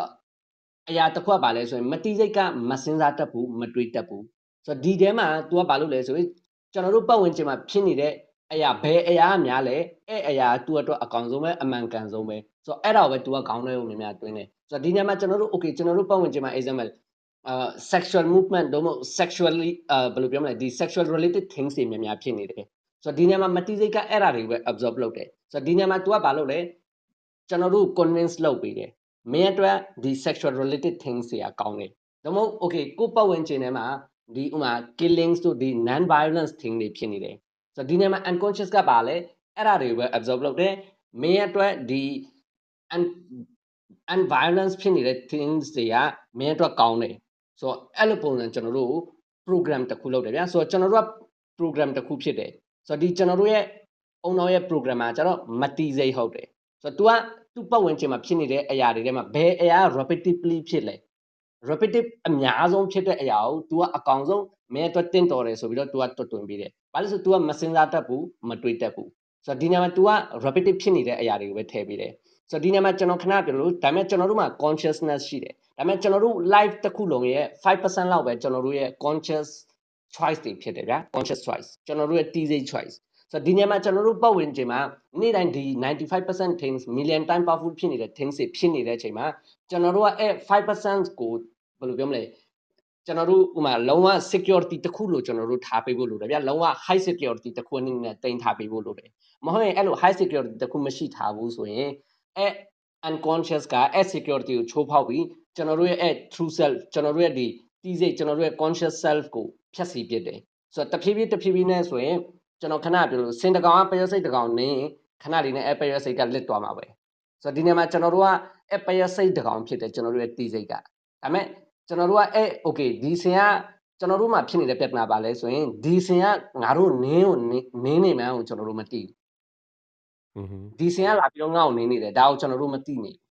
ပြဿနာဒါပဲဘာလဲဆိုကျွန်တော်တို့ okay ဒီစင်ကငါ့ကိုလာနင်းမယ်လို့တင်ရင်စင်နဲ့ဝေးဝေးတွားပြီးတော့နေလို့ရတယ်ဒါမှမဟုတ်ဒီစင်ကိုကျွန်တော်တို့ drive လုပ်လို့ရတယ် ဆိုတော့ဒီလိုလုပ်ဒီလိုမလုပ်နဲ့ဒါပေမဲ့အပြင်မှာတွားကြည့်မယ်ဆိုရင်ပရွက်စိတ်တကောင်ကစင်ကို drive လုပ်လို့မရဘူးဒါပေမဲ့ကျွန်တော်တို့ရဲ့ conscious ကအဲ့စင်ကို drive လုပ်လို့မရပေမဲ့ main ဒီ land တွား main ဒီ land တွားအဲ့လိုလမ်းကြောင်းပေးလို့ရတယ်ဒါပေမဲ့ကျွန်တော်တို့အများဖြစ်မှာဖြစ်တဲ့ပြဿနာပါလဲဆိုရင်အဲ့စင်ကကျွန်တော်တို့နေ့တိုင်းနေနေမှနေ့တိုင်းကျွန်တော်တို့ဒုက္ခပေးနေမှမသိဘူးဆိုတော့အဲ့လိုဖြစ်နေတော့ကျွန်တော်တို့ဘာဖြစ်လဲဆိုရင်ဒီစင်ကပေးတဲ့ identity တခုဒီစင်ကနေဘယ်လိုပြောမလဲဒီ unconscious ပေါ့နော်စင်ဆိုတာကျွန်တော် unconscious ကိုပြောတာဆိုတော့ဒီစင်ကနေပေးတဲ့ identity တခုဒီစင်ကနေပတ်ဝန်းကျင်ကနေရှိသမျှအမိုက်တွေကိုတိန်းကျုံပြီးတော့ထည့်ပြီးတဲ့အရာတခုကိုကျွန်တော်တို့ဖြစ်တယ်ဒါကကျွန်တော်တို့ရဲ့ identity ဖြစ်တယ်ဆိုပြီးတော့ကင်မိတယ်ဆိုတော့အဲ့အချိန်မှာ parasite ဆိုတဲ့ကျွန်တော်တို့တီစိတ်ကတဖြည်းဖြည်းတဖြည်းဖြည်းနဲ့ပျောက်သွားတယ်ပြီးရင်ဥမာဒီနေရာမှာ parasite ကသူနေလိုက်တော့ပျောက်သွားတယ်ဆိုတာတည်သွားတယ်လို့ကျွန်တော်မပြောဘူးပြောမဆိုမြေကြီးရောက်ကို ရောက်ရောက်ရောက်ရောက်သွားတယ်ပေါ့ဆိုတော့အဲ့နေရာမှာ तू ကအောက်မှာသွားပြီးတော့ဖုံးနေတယ်ဆိုတော့ဒီနေရာမှာအဲ့ဒါကိုကျွန်တော်တို့ရဲ့ဒီ meditation တွေဘာတွေလုပ်ရင်ဘာဖြစ်လဲဆိုရင်အဲ့ parasite ကဘယ်လိုပြောမလဲဒီဖုံတွေကိုဖယ်တယ်ဆိုတဲ့ပုံစံဖြစ်တယ်တဖြည်းဖြည်းတဖြည်းဖြည်းဖယ်တယ်ဆိုတော့ तू တဖြည်းဖြည်းမြေပေါ်မှာရောက်လာတယ်မြေပေါ်မှာရောက်လာတော့ပို့ပြီးတော့ aware ဖြစ်တယ်အဲ့ချိန်မှာဘာဖြစ်လာလဲဆိုရင် okay ဒီဆရာငါ့ကိုရလောက်တော့မှာဆိုတော့ state တစ်ခု तू တည်သွားပြီဆိုတာ ਨੇ အဲ့စင်ဆိုတဲ့အရာလာတဲ့ဟို emotions တွေ dramas တွေအကုန်လုံး तू က ဘယ်လိုရှောင်ရမလဲသူတို့ကနေဝေးဝေးဘယ်လိုနေရမလဲသူတို့လာပြီဆိုရင်သူတို့မတွန်းကန်ဘဲနဲ့သူတို့ဘယ်လိုလမ်းကြောင်းပြောင်းမလဲဘယ်လို control လုပ်ရမလဲဒါကိုသူကောင်းကောင်းတတ်သွားတယ်ဆိုတော့ကျွန်တော်တို့ကကျွန်တော်တို့ဖြစ်နေတာပါလဲဆိုရင်စင်ကနေပြီးတော့မြေအောက်မှာရောက်နေတဲ့ပရွေးစိတ်တကောင်နဲ့တူတယ်ဆိုတော့ဒီ meditation ကကျွန်တော်တို့အပေါ်ရောက်ဖို့ကျွန်တော်တို့ကူညီပေးတယ် Hmm that's a very that's a very good analogy ပါဆိုသုံးသွားတဲ့ example လေးကျွန်တော်အရင်သဘောကျတယ်ဆိုအဲ့တော့ကျွန်တော်ကျွန်တော်ကောင်းနေမှာဘာပေါ်လာလဲဆိုလို့ရှိရင် ကျွန်တော်တို့တရက်တရက်တရက် consume လုပ်နေတဲ့ information တွေဘေးပတ်ဝန်းကျင်မှာရှိတဲ့လူတွေကကျွန်တော်တို့အများကြီးအများကြီးအများကြီး effect ဖြစ်နေတာကိုသိရဆိုစင်ကြီးကတော့အမြဲတမ်းကြီးနေမှာပဲဆိုတော့ဆိုအမြဲတမ်း effect ဖြစ်နေတာကိုသိရတော့အဲ့ဒီအချိန်လေးမှာကျွန်တော်ကောင်းနေမှာဘာလေးကပေါ်လာလဲဆိုတော့ကျွန်တော်တို့ mind is magnet ဆိုတဲ့ဟာဒီနေရာမှာမှန်နေမလားပေါ့နော်ဆိုအားတာတဲ့အရာကိုပဲဆွဲဆောင်တာများတယ်အဲ့ပုံမှာ identity တွေတိဆောက်လာကြတယ်ဆိုတော့ကျွန်တော်တို့တွေကတကယ်လို့များနေ့စဉ်နဲ့များမကောင်းတာတွေကိုပဲပေါ့နော်လုပ်နေမယ်ဆိုလို့ရှိရင် identity တစ်ခုလုံးကြီးကဒါကြောင့်မလို့ပြောင်းသွားကျွန်တော်တို့ input တွေကြောင့်ပဲလို့ပြောလို့ရတာဗျဟုတ်ကဲ့ဗျဆိုတော့အဲ့ဒီမှာကိုကျွန်တော်တို့အုံနောက်ထဲမှာပါဗျာဒီ meta neuron လို့ခေါ်တယ် meta neuron ဆိုတဲ့ neurons တစ်မျိုးရှိတယ်ဆိုတော့သူရဲ့အလောက်ကပါလဲဆိုရင် तू ကပတ်ဝန်းကျင်မှာရှိတဲ့မြတ်အရာအကုန်လုံးအတုခိုတဲ့အလောက်ဆိုတော့ပြောမယ်ဆိုရင်အာအခုပတ်ဝန်းကျင်မှာဖြစ်နေတဲ့အရာအကုန်လုံး तू ကကောင်းတယ်ဖြစ်စေမကောင်းတယ်ဖြစ်စေအကုန်လုံးအတုခိုပြီးတော့အခုကောင်းတဲ့ကိုတွတ်တွင်ပေးတယ်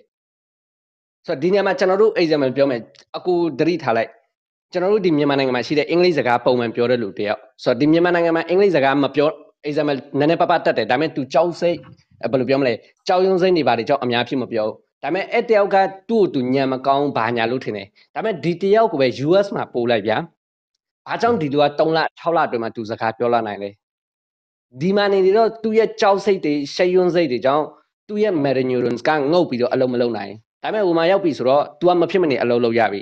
အဲ့ဒါမှမပြောဆိုရင် तू ကဘယ်သူနဲ့တွားပြောမလဲ US မှာရောက်ပြီးတော့ဗမာစကားကြီးပဲပြောလို့တော့မရအောင်ဆိုတော့ဒီနေရာမှာ meta neurons ကအလုပ်လုပ်တယ်ဆိုတော့ကျွန်တော်တို့အုံနောက်ရဲ့ meta neurons ကဘာလုပ်လဲဆိုရင်ကျွန်တော်တို့ပတ်ဝန်းကျင်မှာဖြစ်ပြနေတဲ့အရာအကုန်လုံးကိုအတုခိုပြီးတော့ကျွန်တော်တို့တွတ်တွင်းတယ်ဆိုတော့ဒီနေရာမှာကျွန်တော်တို့ကပတ်ဝန်းကျင်ရဲ့ by product တစ်ခုဖြစ်သွားတယ်ကို conscious မဖြစ်ဘူးဆိုရင်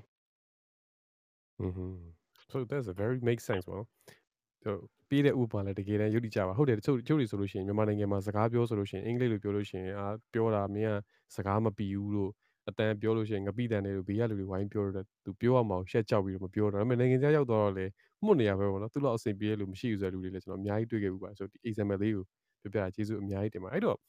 so အခုအနေနဲ့ကတော့ကိုကိုကို self discovery အများကြီးပြန်ဖြစ်တယ်ကိုကိုကိုပို့ပြီးတော့တိလာတယ်ဆိုတဲ့အရာတွေရှိတယ်ဆိုတော့တခြားတခြားအဲ scientifically ရောအဲ benefit ဖြစ်ခဲ့တဲ့အရာတွေရှိလားဗျအဲ့ဒါလေးလည်းကျွန်တော်သိချင်မိပါသေးတယ် scientifically ပြန် proof လို့ရတာပေါ့ဒါတယောက်တည်းဖြစ်နေတယ်ဆိုလို့ရှိရင်တော့ဒါကိုယ့်အတွက်ပဲမှန်တယ်ပေါ့နော် so scientifically ဆိုတာတခြားလူတွေလည်းဟုတ်လိုက်လို့လို့ရှိရင်တွေ့နိုင်နိုင်တယ်ဆိုတဲ့အရာမျိုးတွေအဲ့ဒါမျိုးတွေရောရှိတာဗျဟုတ်ကဲ့ဟုတ်ဆိုတော့ဥမာဒီနေရာမှာဥမာဒီ uh, meditation ရဲ့ benefit ပေါ့နော်ဆိုတော့အခုဥမာဒီ western ဘိုင်းမှာဆိုရင်လည်းဥမာဒီ meditation ဘိုင်းကိုဘယ်လိုပြောမလဲတော်တော်များများလေး research တွေအများကြီးရှိတာဗျာ research တွေဘာတွေအများကြီးရှိတာတယ်ဆိုတော့ဒီနေရာမှာ HeartMath Institute ဆိုတဲ့ဒီဘယ်လိုပြောမလဲဒီကျွန်တော်တို့ heart ကိုဒီဘယ်လိုပြောမလဲဒီ research လုပ်တဲ့ center တစ်ခုရှိတယ် US မှာဆိုတော့သူရဲ့ research အရဆိုရင်လည်းပုံမှန် meditation ကိုတစ်လားလောက်လုပ်တဲ့လူတစ်ယောက်က30ရာခိုင်နှုန်း sleep ပိုင်းမှာ improvement ဖြစ်တယ် depression 60% drop ဖြစ်တယ် ဥပမာဒီပြီးရင် digestion ပိုင်းဒီ stomach နာတာတွေပါတယ်အဲ့မျိုးပိုင်းမှာ43% drop ဖြစ်တယ်ဆိုတော့ဒီနေရာမှာ HeartMath Institute က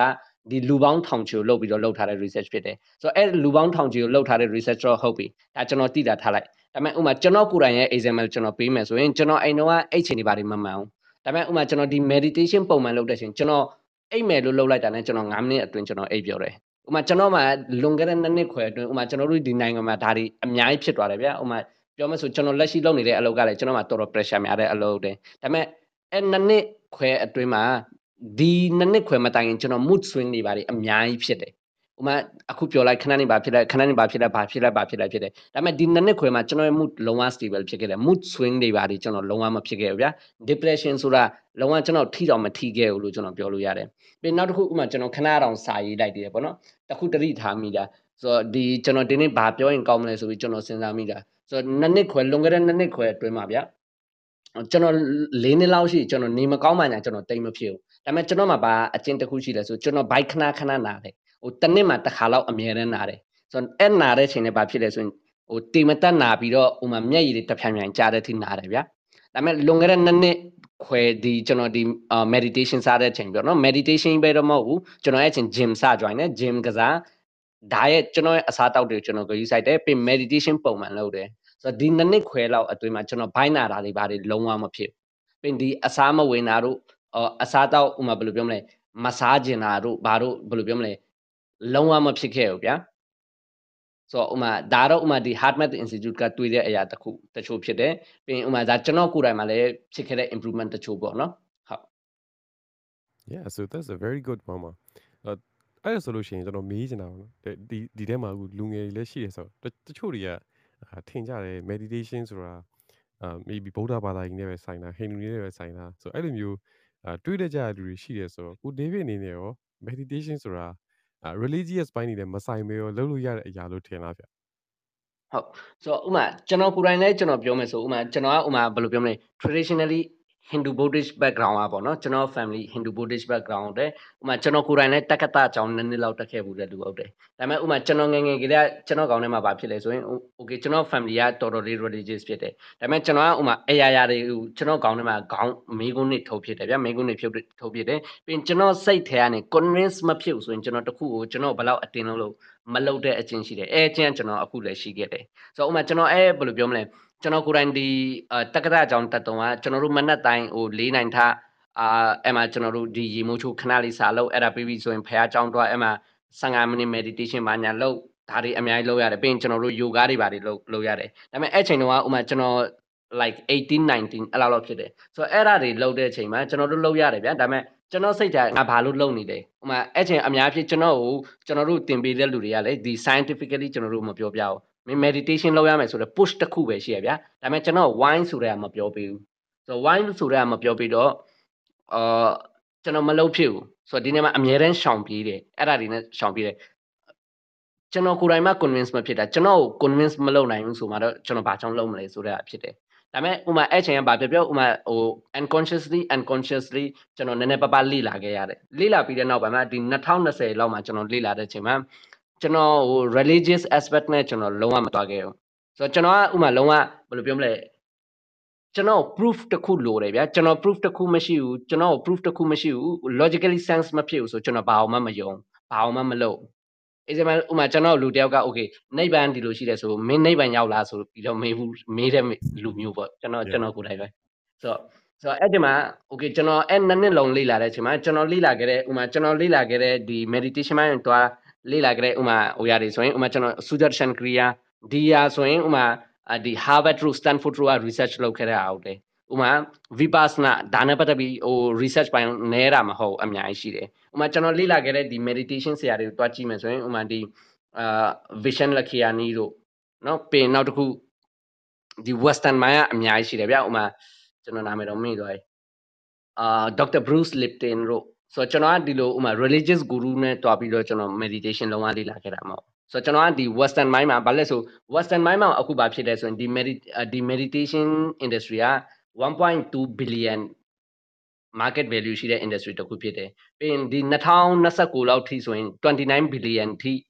market value တွားမဲ့ industry တစ်ခုဖြစ်တယ်ဆိုပြီးတော့ခံမှန်းထားတယ်ဗျာဆိုတော့ဒီနေ့မှာကျွန်တော်ကဒါကိုအကုန်လုံး scientifically လေ့လာခဲ့တာပြီးရင်ကျွန်တော်အထင်ဒီနေ့မှာ okay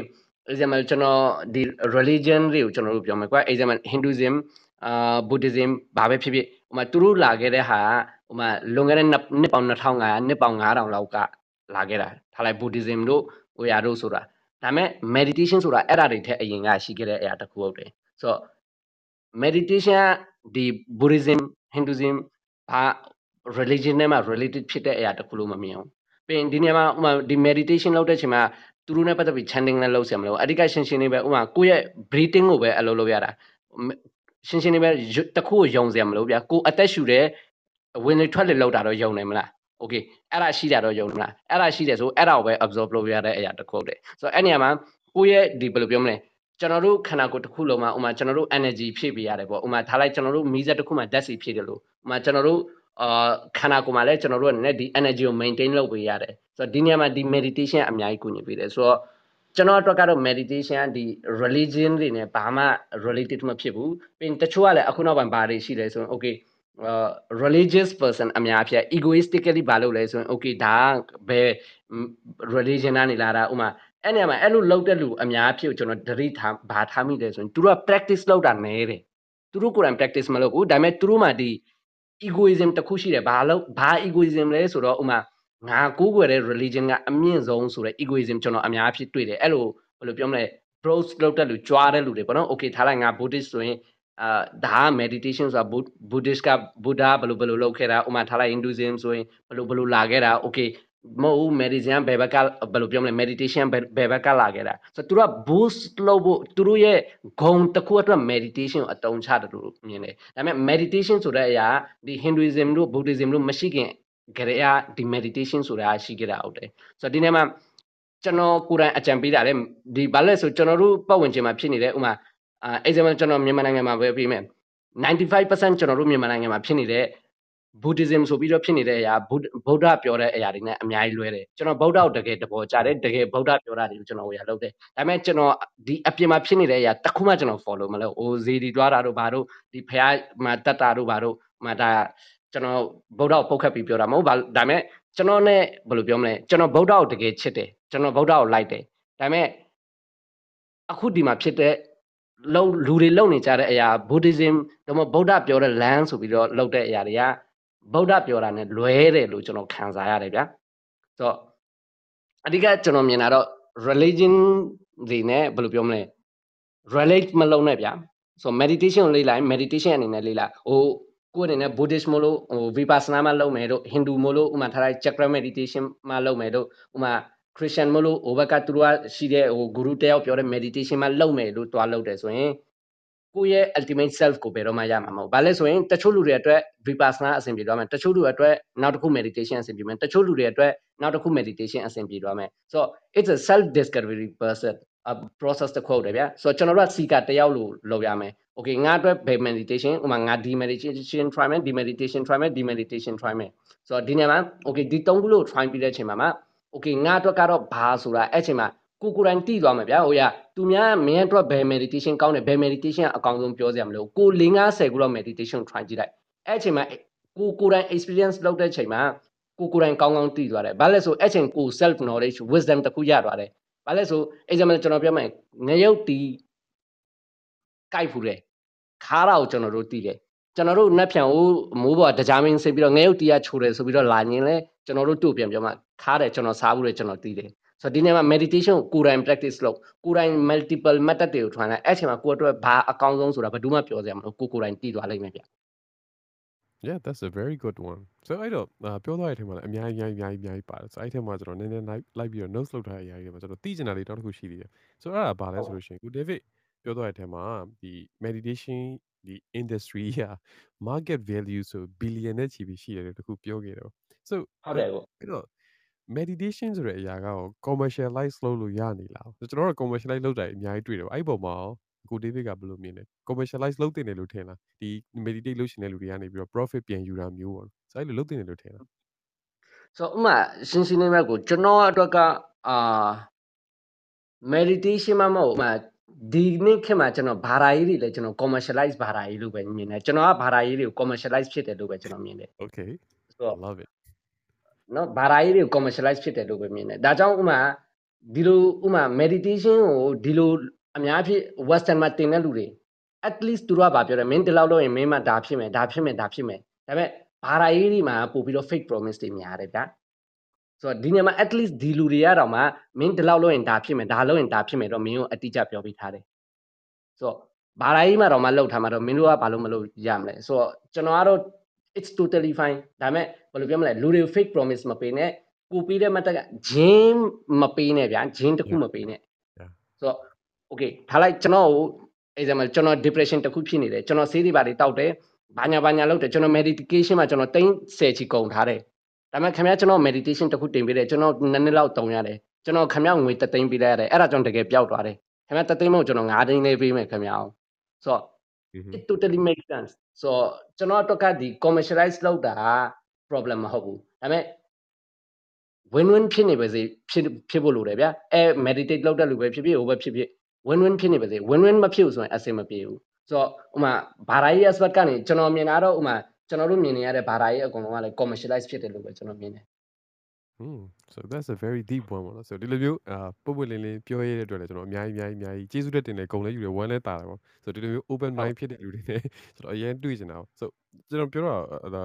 100%အပြည့်ထောက်ခံတယ်လို့တော့ပြောလို့ရတယ်အဲကျွန်တော်ကိုယ်တိုင်လည်းအဲ့လိုမျိုးမတူညီတဲ့ war view တွေရှိတယ်ပေါ့နော် so အဲ့ဒါကြောင့်လည်းလူကွာစာဖြစ်ပြီးတချို့လူတွေနဲ့ပေါင်းလို့မရသိမ့်လို့မရအဆင့်တွေထိတောင်ရှိတယ်ပေါ့ဆိုတချို့အာကိုပြောသွားတဲ့အထက်မှာကျွန်တော်သဘောကျသွားတော့ fake promise တွေမပေးနဲ့ဆိုတဲ့အရာကိုတော့ကျွန်တော်ရန်သဘောကျတယ်များသောအားဖြင့် ဆိုဂျင်းတွေအရင်ရောင်းလိုက်တယ်ပေါ့နော်ဒါလုပ်လိုက်လို့ရှိရင်ဒါရမယ်ဒါပြီးသွားရင်ဒါရမယ်ဆိုပြီးလုပ်တယ်ပြီးတော့အခုရှိမှပြောခဲ့တဲ့အထက်ကဆိုလို့ရှိရင်ဂုရုတွေကသူတို့ကိုယ်တိုင်တော့မထိုင်ဘူးတခြားလူတွေကျတော့ထိုင်ဖို့ဆိုပြီးတော့သူတို့သူတို့ဥစ္စာကောင်းကြောင်းဟို promote လုပ်တဲ့ဟာတွေလဲဆိုကျွန်တော်အများကြီးမှအများကြီးအများကြီးတွေ့ခဲ့ရတယ်လည်းရှိပါတယ်ဆိုပြီးတော့ကိုစိတ်ဝင်စားသွားတာအခုက scientific ဘက်ကပဲလိုက်ပြီးတော့ဒီ meditation ဘက်ကိုလေ့လာခဲ့ရဆိုတော့ဘာသာရေးဘက်က aspect တွေကိုရောသူတို့ဘယ်လိုနည်းနဲ့သွားလဲဆိုတော့လေ့လာကြည့်ခဲ့ဘူးလားဆိုအဲ့ဒါကိုလေ့လာပြီးမှမကြိုက်ခဲ့တာမျိုးဖြစ်ခဲ့တာလား ဘယ်လိုမျိုးလဲဗျအာဘာသာရေး expert ဆိုတာတဲ့ဥမာကျွန်တော်ဘယ်လိုပြောမလဲကျွန်တော် interact လုပ်တာလုပ်လုပ်ခဲ့ရတဲ့လူအများဖြစ်ပေါ့နော်ဆိုတော့ဥမာသူတို့ကိုယ်တိုင်ဥမာအခု example ထားလိုက်ဥမာကျွန်တော်တွေးခဲ့ရတယ် okay ထားလိုက်အကူကဥမာကျွန်တော်ပြောမယ်ဘာသာရေး guru တယောက်ဆိုတော့အဲ example အကူကိုကျွန်တော် meditation နဲ့ပတ်သက်ပြီးလာမိတယ်ဆိုတော့ဒီနေ့မှာ meditation နဲ့ပတ်သက်ပြီးအကူကကျွန်တော် convincing reason ကျွန်တော်ကောင်းကောင်းမပေးနိုင်ခဲ့ဘူးဗျာဆိုတော့ကျွန်တော်တွေးခဲ့ရတဲ့လူအများပြ convincing reason တခုကျွန်တော်မပေးနိုင် ကျွန်တော် convince မလုပ်နိုင်ဘူး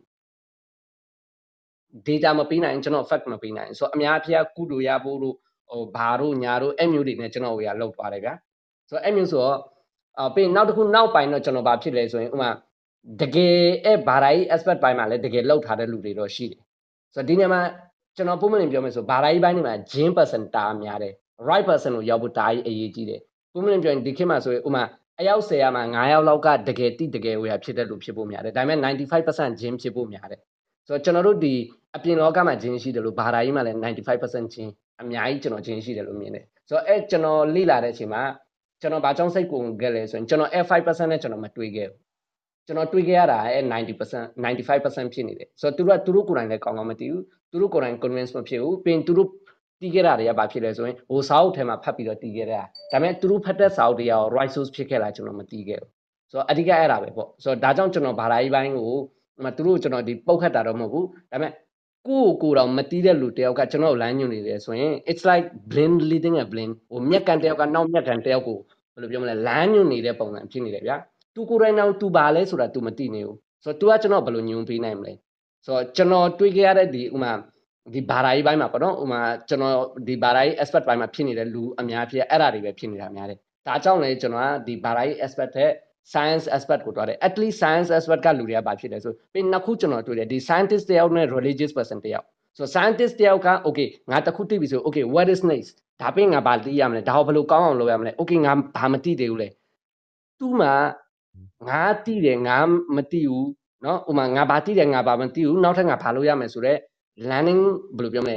အာ mindset တစ်ခုရှိတယ် fixed mindset မဟုတ်ပေါ့ growth mindset တစ်ခုရှိတယ်ဒါပေမဲ့ကျွန်တော်တွေ့ရတဲ့ religious person အများဖြစ်ပါဖြစ်လဲဆိုရင်သူတို့မှာ fixed mindset တစ်ခုဖြစ်တယ်ဒါဘဒူကပြောခဲ့လို့ဒါအမှန်ပဲဒါဘလို့ဖြစ်တယ်ဆိုတော့သူတို့ကသူတို့ကင်တွေ့ထားတဲ့အရာတစ်ခုကပဲအမှန်ကန်ဆုံးဆိုတော့ logic တစ်ခုအမြဲတမ်းကင်တယ်ဗျာဆိုတော့ဒါကျွန်တော်တွေးခဲ့ရတဲ့လူပေါ့နော်လူတိုင်းကိုကျွန်တော်ပြောတာပေါ့ဆိုတော့ အဲ့ဒါတွေလည်းအဓိကတော့ပါတယ်ဆိုတော့ဒီနေရာမှာကျွန်တော်ကဥမာဒီ religious aspect နဲ့မလိလာနဲ့လို့ကျွန်တော်မပြောဘူး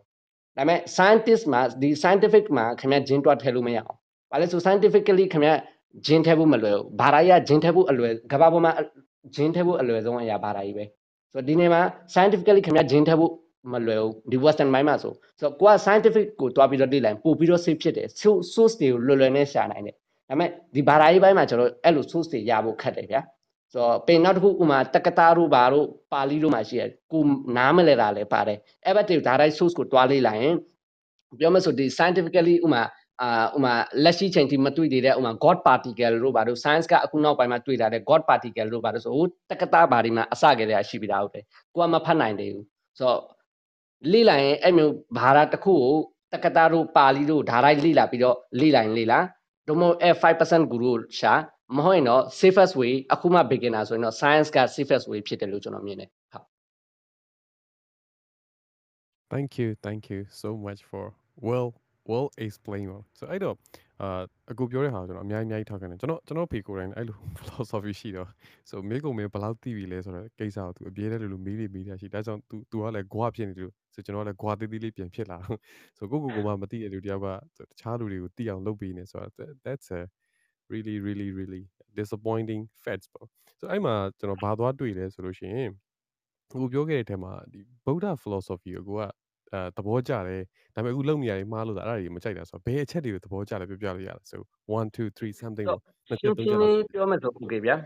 ဘုဒ္ဓဆိုဥမာဂေါတမဘုဒ္ဓပေါ့နော်ဆိုဥမာဂေါတမဘုဒ္ဓရှင်းရှင်းလေးပဲဥမာသူ့ရဲ့ကိုယ်တွေအများကြီးကျွန်တော်သူ့ရဲ့ဟိုဘာဖတ်ခဲ့တယ်ဘာဒီဘာဒီအများကြီးတွားဖတ်ဆရာမလို့ဗျာ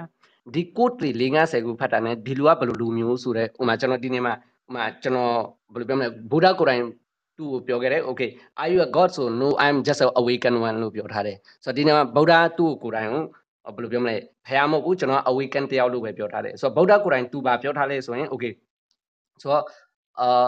သူကိုယ်တိုင်လုပ်ခဲ့တဲ့အရာတွေကိုဥမာငါလုပ်တဲ့အရာတွေကိုမင်းယုံလည်းမပြောဘူးမယုံနဲ့လည်းမပြောဘူး မင်းငါလုပ်ခဲ့တဲ့အရာတွေဒါငါဒီမှာငါဒါတွေလုပ်ခဲ့တယ်မင်းငါဒါတွေးခဲ့တယ်ဆိုတော့ငါဒါတွေတွေးခဲ့တယ်အာမင်းကိုယ်တိုင်လုပ်ကြည့်ဒါရဲ့ result ကိုဒါဖြစ်မယ်လို့ငါမပြောဘူးဒါပေမဲ့မင်းကိုယ်တိုင် experience လုပ်ကြည့်မင်းတီးလိုက်မယ်ဆိုတဲ့ပုံစံပြောတယ်ဆိုတော့ကျွန်တော်ကဥမာဗုဒ္ဓကိုကျွန်တော်ဘာကြောင့်တဘောကြလဲဆိုရင်ကျွန်တော်ကသူ့ကို scientist တယောက်လို့သတ်မှတ်ထားတယ်ကျွန်တော်အတွက်ဘာလဲဆိုသူကိုယ်တိုင်လည်းဥမာသူ့ background အရာဥမာသူကိုယ်တိုင်လည်းဥမာဘာဖြစ်လဲဆိုဥမာ okay 29နှစ်အရွယ်မှာ okay သူ အဓိကဥမာဒီဒုက္ခပေါ့ဥမာဒုက္ခတွေဘာတွေအကြောင်းသူတည်သွားတော့သူကိုယ်တိုင်ဘာလုပ်လဲဆိုရင်ဟိုအဲ့ချိန်တော့ဥမာသူ gurus တွေအများကြီးနဲ့တွားတယ်ဟိုတယောက်နဲ့လေ့လာဒီတယောက်ကိုမင်းလေ့လာဒီတယောက်ကိုတွားမင်းအကုန်လုံးစီမှာ convincing reason တခုမရမှာသူကိုယ်တိုင်တခါတည်းတစ်ပင်အောင်မှထိုက်ပြီးတော့လောက်တာမဟုတ်သူကိုယ်တိုင်အကုန်လုံးလိုက်မိတယ်လိုက်မိပြီးတော့ convincing reason တခုမရပြီးတဲ့နောက်ပိုင်းမှာဘာဖြစ်လဲဆိုသူတစ်ပင်အောင်တခုမှနေတယ်သူ့သူရှာသွားတယ်ပြီးနောက်တစ်ခုအာဗုဒ္ဓကိုကျွန်တော်နောက်ထပ်သဘောကျတဲ့အရာသူ့ရဲ့ philosophy ကိုလူတယောက်ယောက်ကိုတွတ်မတွင်ဘူး ဥမာဒီဒီလိုဆိုဒါက ultimate truth ဆိုပြီးတော့တူမလို့ဆိုတော့ဒီနေ့မှာဒါကဒီလိုရှိတယ်ဒါပေမဲ့မင်း line ရောက်တစ်ခုပေးထားတယ်အများအဖြစ်ပြောကြတဲ့ဂျာလန်းစင်ပြောဆိုတော့ okay ဒီမှာငါတော့ဒါလုပ်ခဲ့တယ် example okay သူ6နှစ်လောက်တရားထိုင်နေ okay alignment ရတယ်ဒီလိုဒီလိုတွေးခဲ့တယ်ငါတော့ဒါတွေးခဲ့တယ်ဆိုတော့မင်းဒီလိုလေ့လာကြည့်မင်းဒါဖြစ်နိုင်တယ်ဆိုတော့ဘယ်လိုပြောမလဲ way တစ်ခုကိုပြထားတယ်ဗျာဒါကို तू က ultimate way ဆိုပြီးတော့လည်းမပြောထားဘူးပြီးရင် तू ပြောတဲ့အရာအကုန်လုံးက လူတယောက်ကိုတွတ်တွင်ထားတဲ့အရာမဟုတ် fair base နဲ့မတွားဘူးဟိုဘယ်လိုပြောမလဲ science base seeker seeker တယောက်ရဲ့ base တစ်ခုတွားထားတယ်ဆိုတော့ဒီအရာတွေကြောင့်ကျွန်တော်တဘောကြတာဒါပေမဲ့အခုနောက်ပိုင်းကျွန်တော်တို့ဥမာမြင်နေရတဲ့ aspect တွေကဘာဖြစ်လဲဆိုရင်ဥမာ egoism ကနေ approach လုပ်တဲ့ aspect တွေအများဖြစ်များတယ်ဟိုဒါလုံးမှဒါဖြစ်မယ်ဒါလုံးမှဒါဖြစ်မယ်ဒါလုံးမှဒါဖြစ်မယ်ဆိုတော့ဘယ်လိုပြောမလဲ limiting way တွေအများကြီးဖြစ်လာတယ်ဗျာဆိုတော့ Buddha way က Buddha ရဲ့ way ကဒါဒါအမှန်ဆုံးဆိုတဲ့ way မရှိဘူး Buddha way ကဘာလဲဆိုရင် on your own experience မင်းကိုယ်တိုင် experience လုပ်တာ okay Gautama Buddha ဒီလမ်းတွားတယ်ဒါပေမဲ့ तू ကိုယ်တိုင်ဒါဒါဒါတွေးခဲ့တယ်ဒါပေမဲ့မင်းကိုယ်တိုင်တွားတဲ့ချိန် Buddha နဲ့ exact way ဖြစ်ချင်မှဖြစ်မယ်နောက်တနည်းလည်းဖြစ်ချင်ဖြစ်တွားနိုင်တယ်ဆိုတော့အဲ့ way ပုံစံ तू ကိုယ်တိုင်တေချာရှင်းပြပေးထားတယ်ဗျာဆိုတော့ကျွန်တော်ကသူ့တဘောကြတာကကျွန်တော်အတွက်ကဒါရှင်းရှင်းလေးပဲကျွန်တော်ကသူ့ scientist တယောက်လို့သတ်မှတ်တယ်ဆိုတော့ သူကိုယ်တိုင်လေ့လာခဲ့တဲ့ way ရလဲဥမာဘယ်လိုပြောမလဲဥမာကျွန်တော်တို့အခုကျွန်တော်ကိုယ်တိုင်တွားနေတဲ့ way ပုံစံနဲ့တူနေတယ်ပေါ့နော်ဆိုတော့ဒါတွေကြောင့်လည်းကျွန်တော်ကတဘောကြတာ Hmm that's a very very very good one. So အခုပြောပြလိုက်တဲ့ Buddhism နဲ့အခုအပြင်လောကမှာဖြစ်နေ Buddhism နဲ့အရင်ကွာနေတယ်လို့ပဲအာပုံမှန်ပြောကျွန်တော်တို့အပြင်ဖြစ်နေတဲ့အရာတွေကရတုတ်သွင်းနေတယ်လို့ပဲ Yeah ဟုတ်တယ်အခုက fair base ကိုဖြစ်တာများတယ်ကို ဟိုကြောက်ကြောက်စိတ်ကြောင့်ပေါ့ဟိုနေပဲငရဲရောက်မှလို့နေနေပဲမရောက်မှမလို့ငရဲရောက်မှကြောက်လို့လို့ဘာဖြစ်သွားမှမလို့လို့ fair base ပေါ်မူတည်ပြီးဖြစ်တဲ့ religion ကပုံများနေတယ်လို့ကျွန်တော်မြင်တယ် Yeah that's true that's true. So ဒါမှဒါမှမလုပ်လို့ရှိရင်မင်းတို့တခုပြင်ဆိုးခင်ရဗျာတာဟိုကိုယ့်ကိုတီးဖို့ကဟို okay ဆိုတော့ meditation ပဲလုပ်လို့ဘာပဲဖြစ်ဖြစ်ဟိုမှာ Buddha တခုလုပ်တဲ့ချိန်လူတယောက်ကဘာဖြစ်သွားလဲဆို meditation ကိုအတိုင်းအတာတစ်ခုထိလုပ်သွားရင် fearless ဖြစ်သွားတယ်ခင်ဗျာ fearless မဖြစ်မချင်းဒီကိုယ့်ကိုမတီးနိုင် ဆိုတော့ခင်ဗျာ fair ပေါ်မူတည်ပြီးဒီကြောက်စိတ်ပေါ်မူတည်ပြီး operate လုပ်နေတယ်ဆိုရင်ခင်ဗျာကိုယ့်ကိုဘယ်တော့မှတီးမှာမဟုတ်ဆိုတော့အိမ်လုံးကိုယ့်ကိုတီးဖို့ရဲ့ပထမအဆင့်တစ်ခုကမကြောက်ဖို့လိုတယ်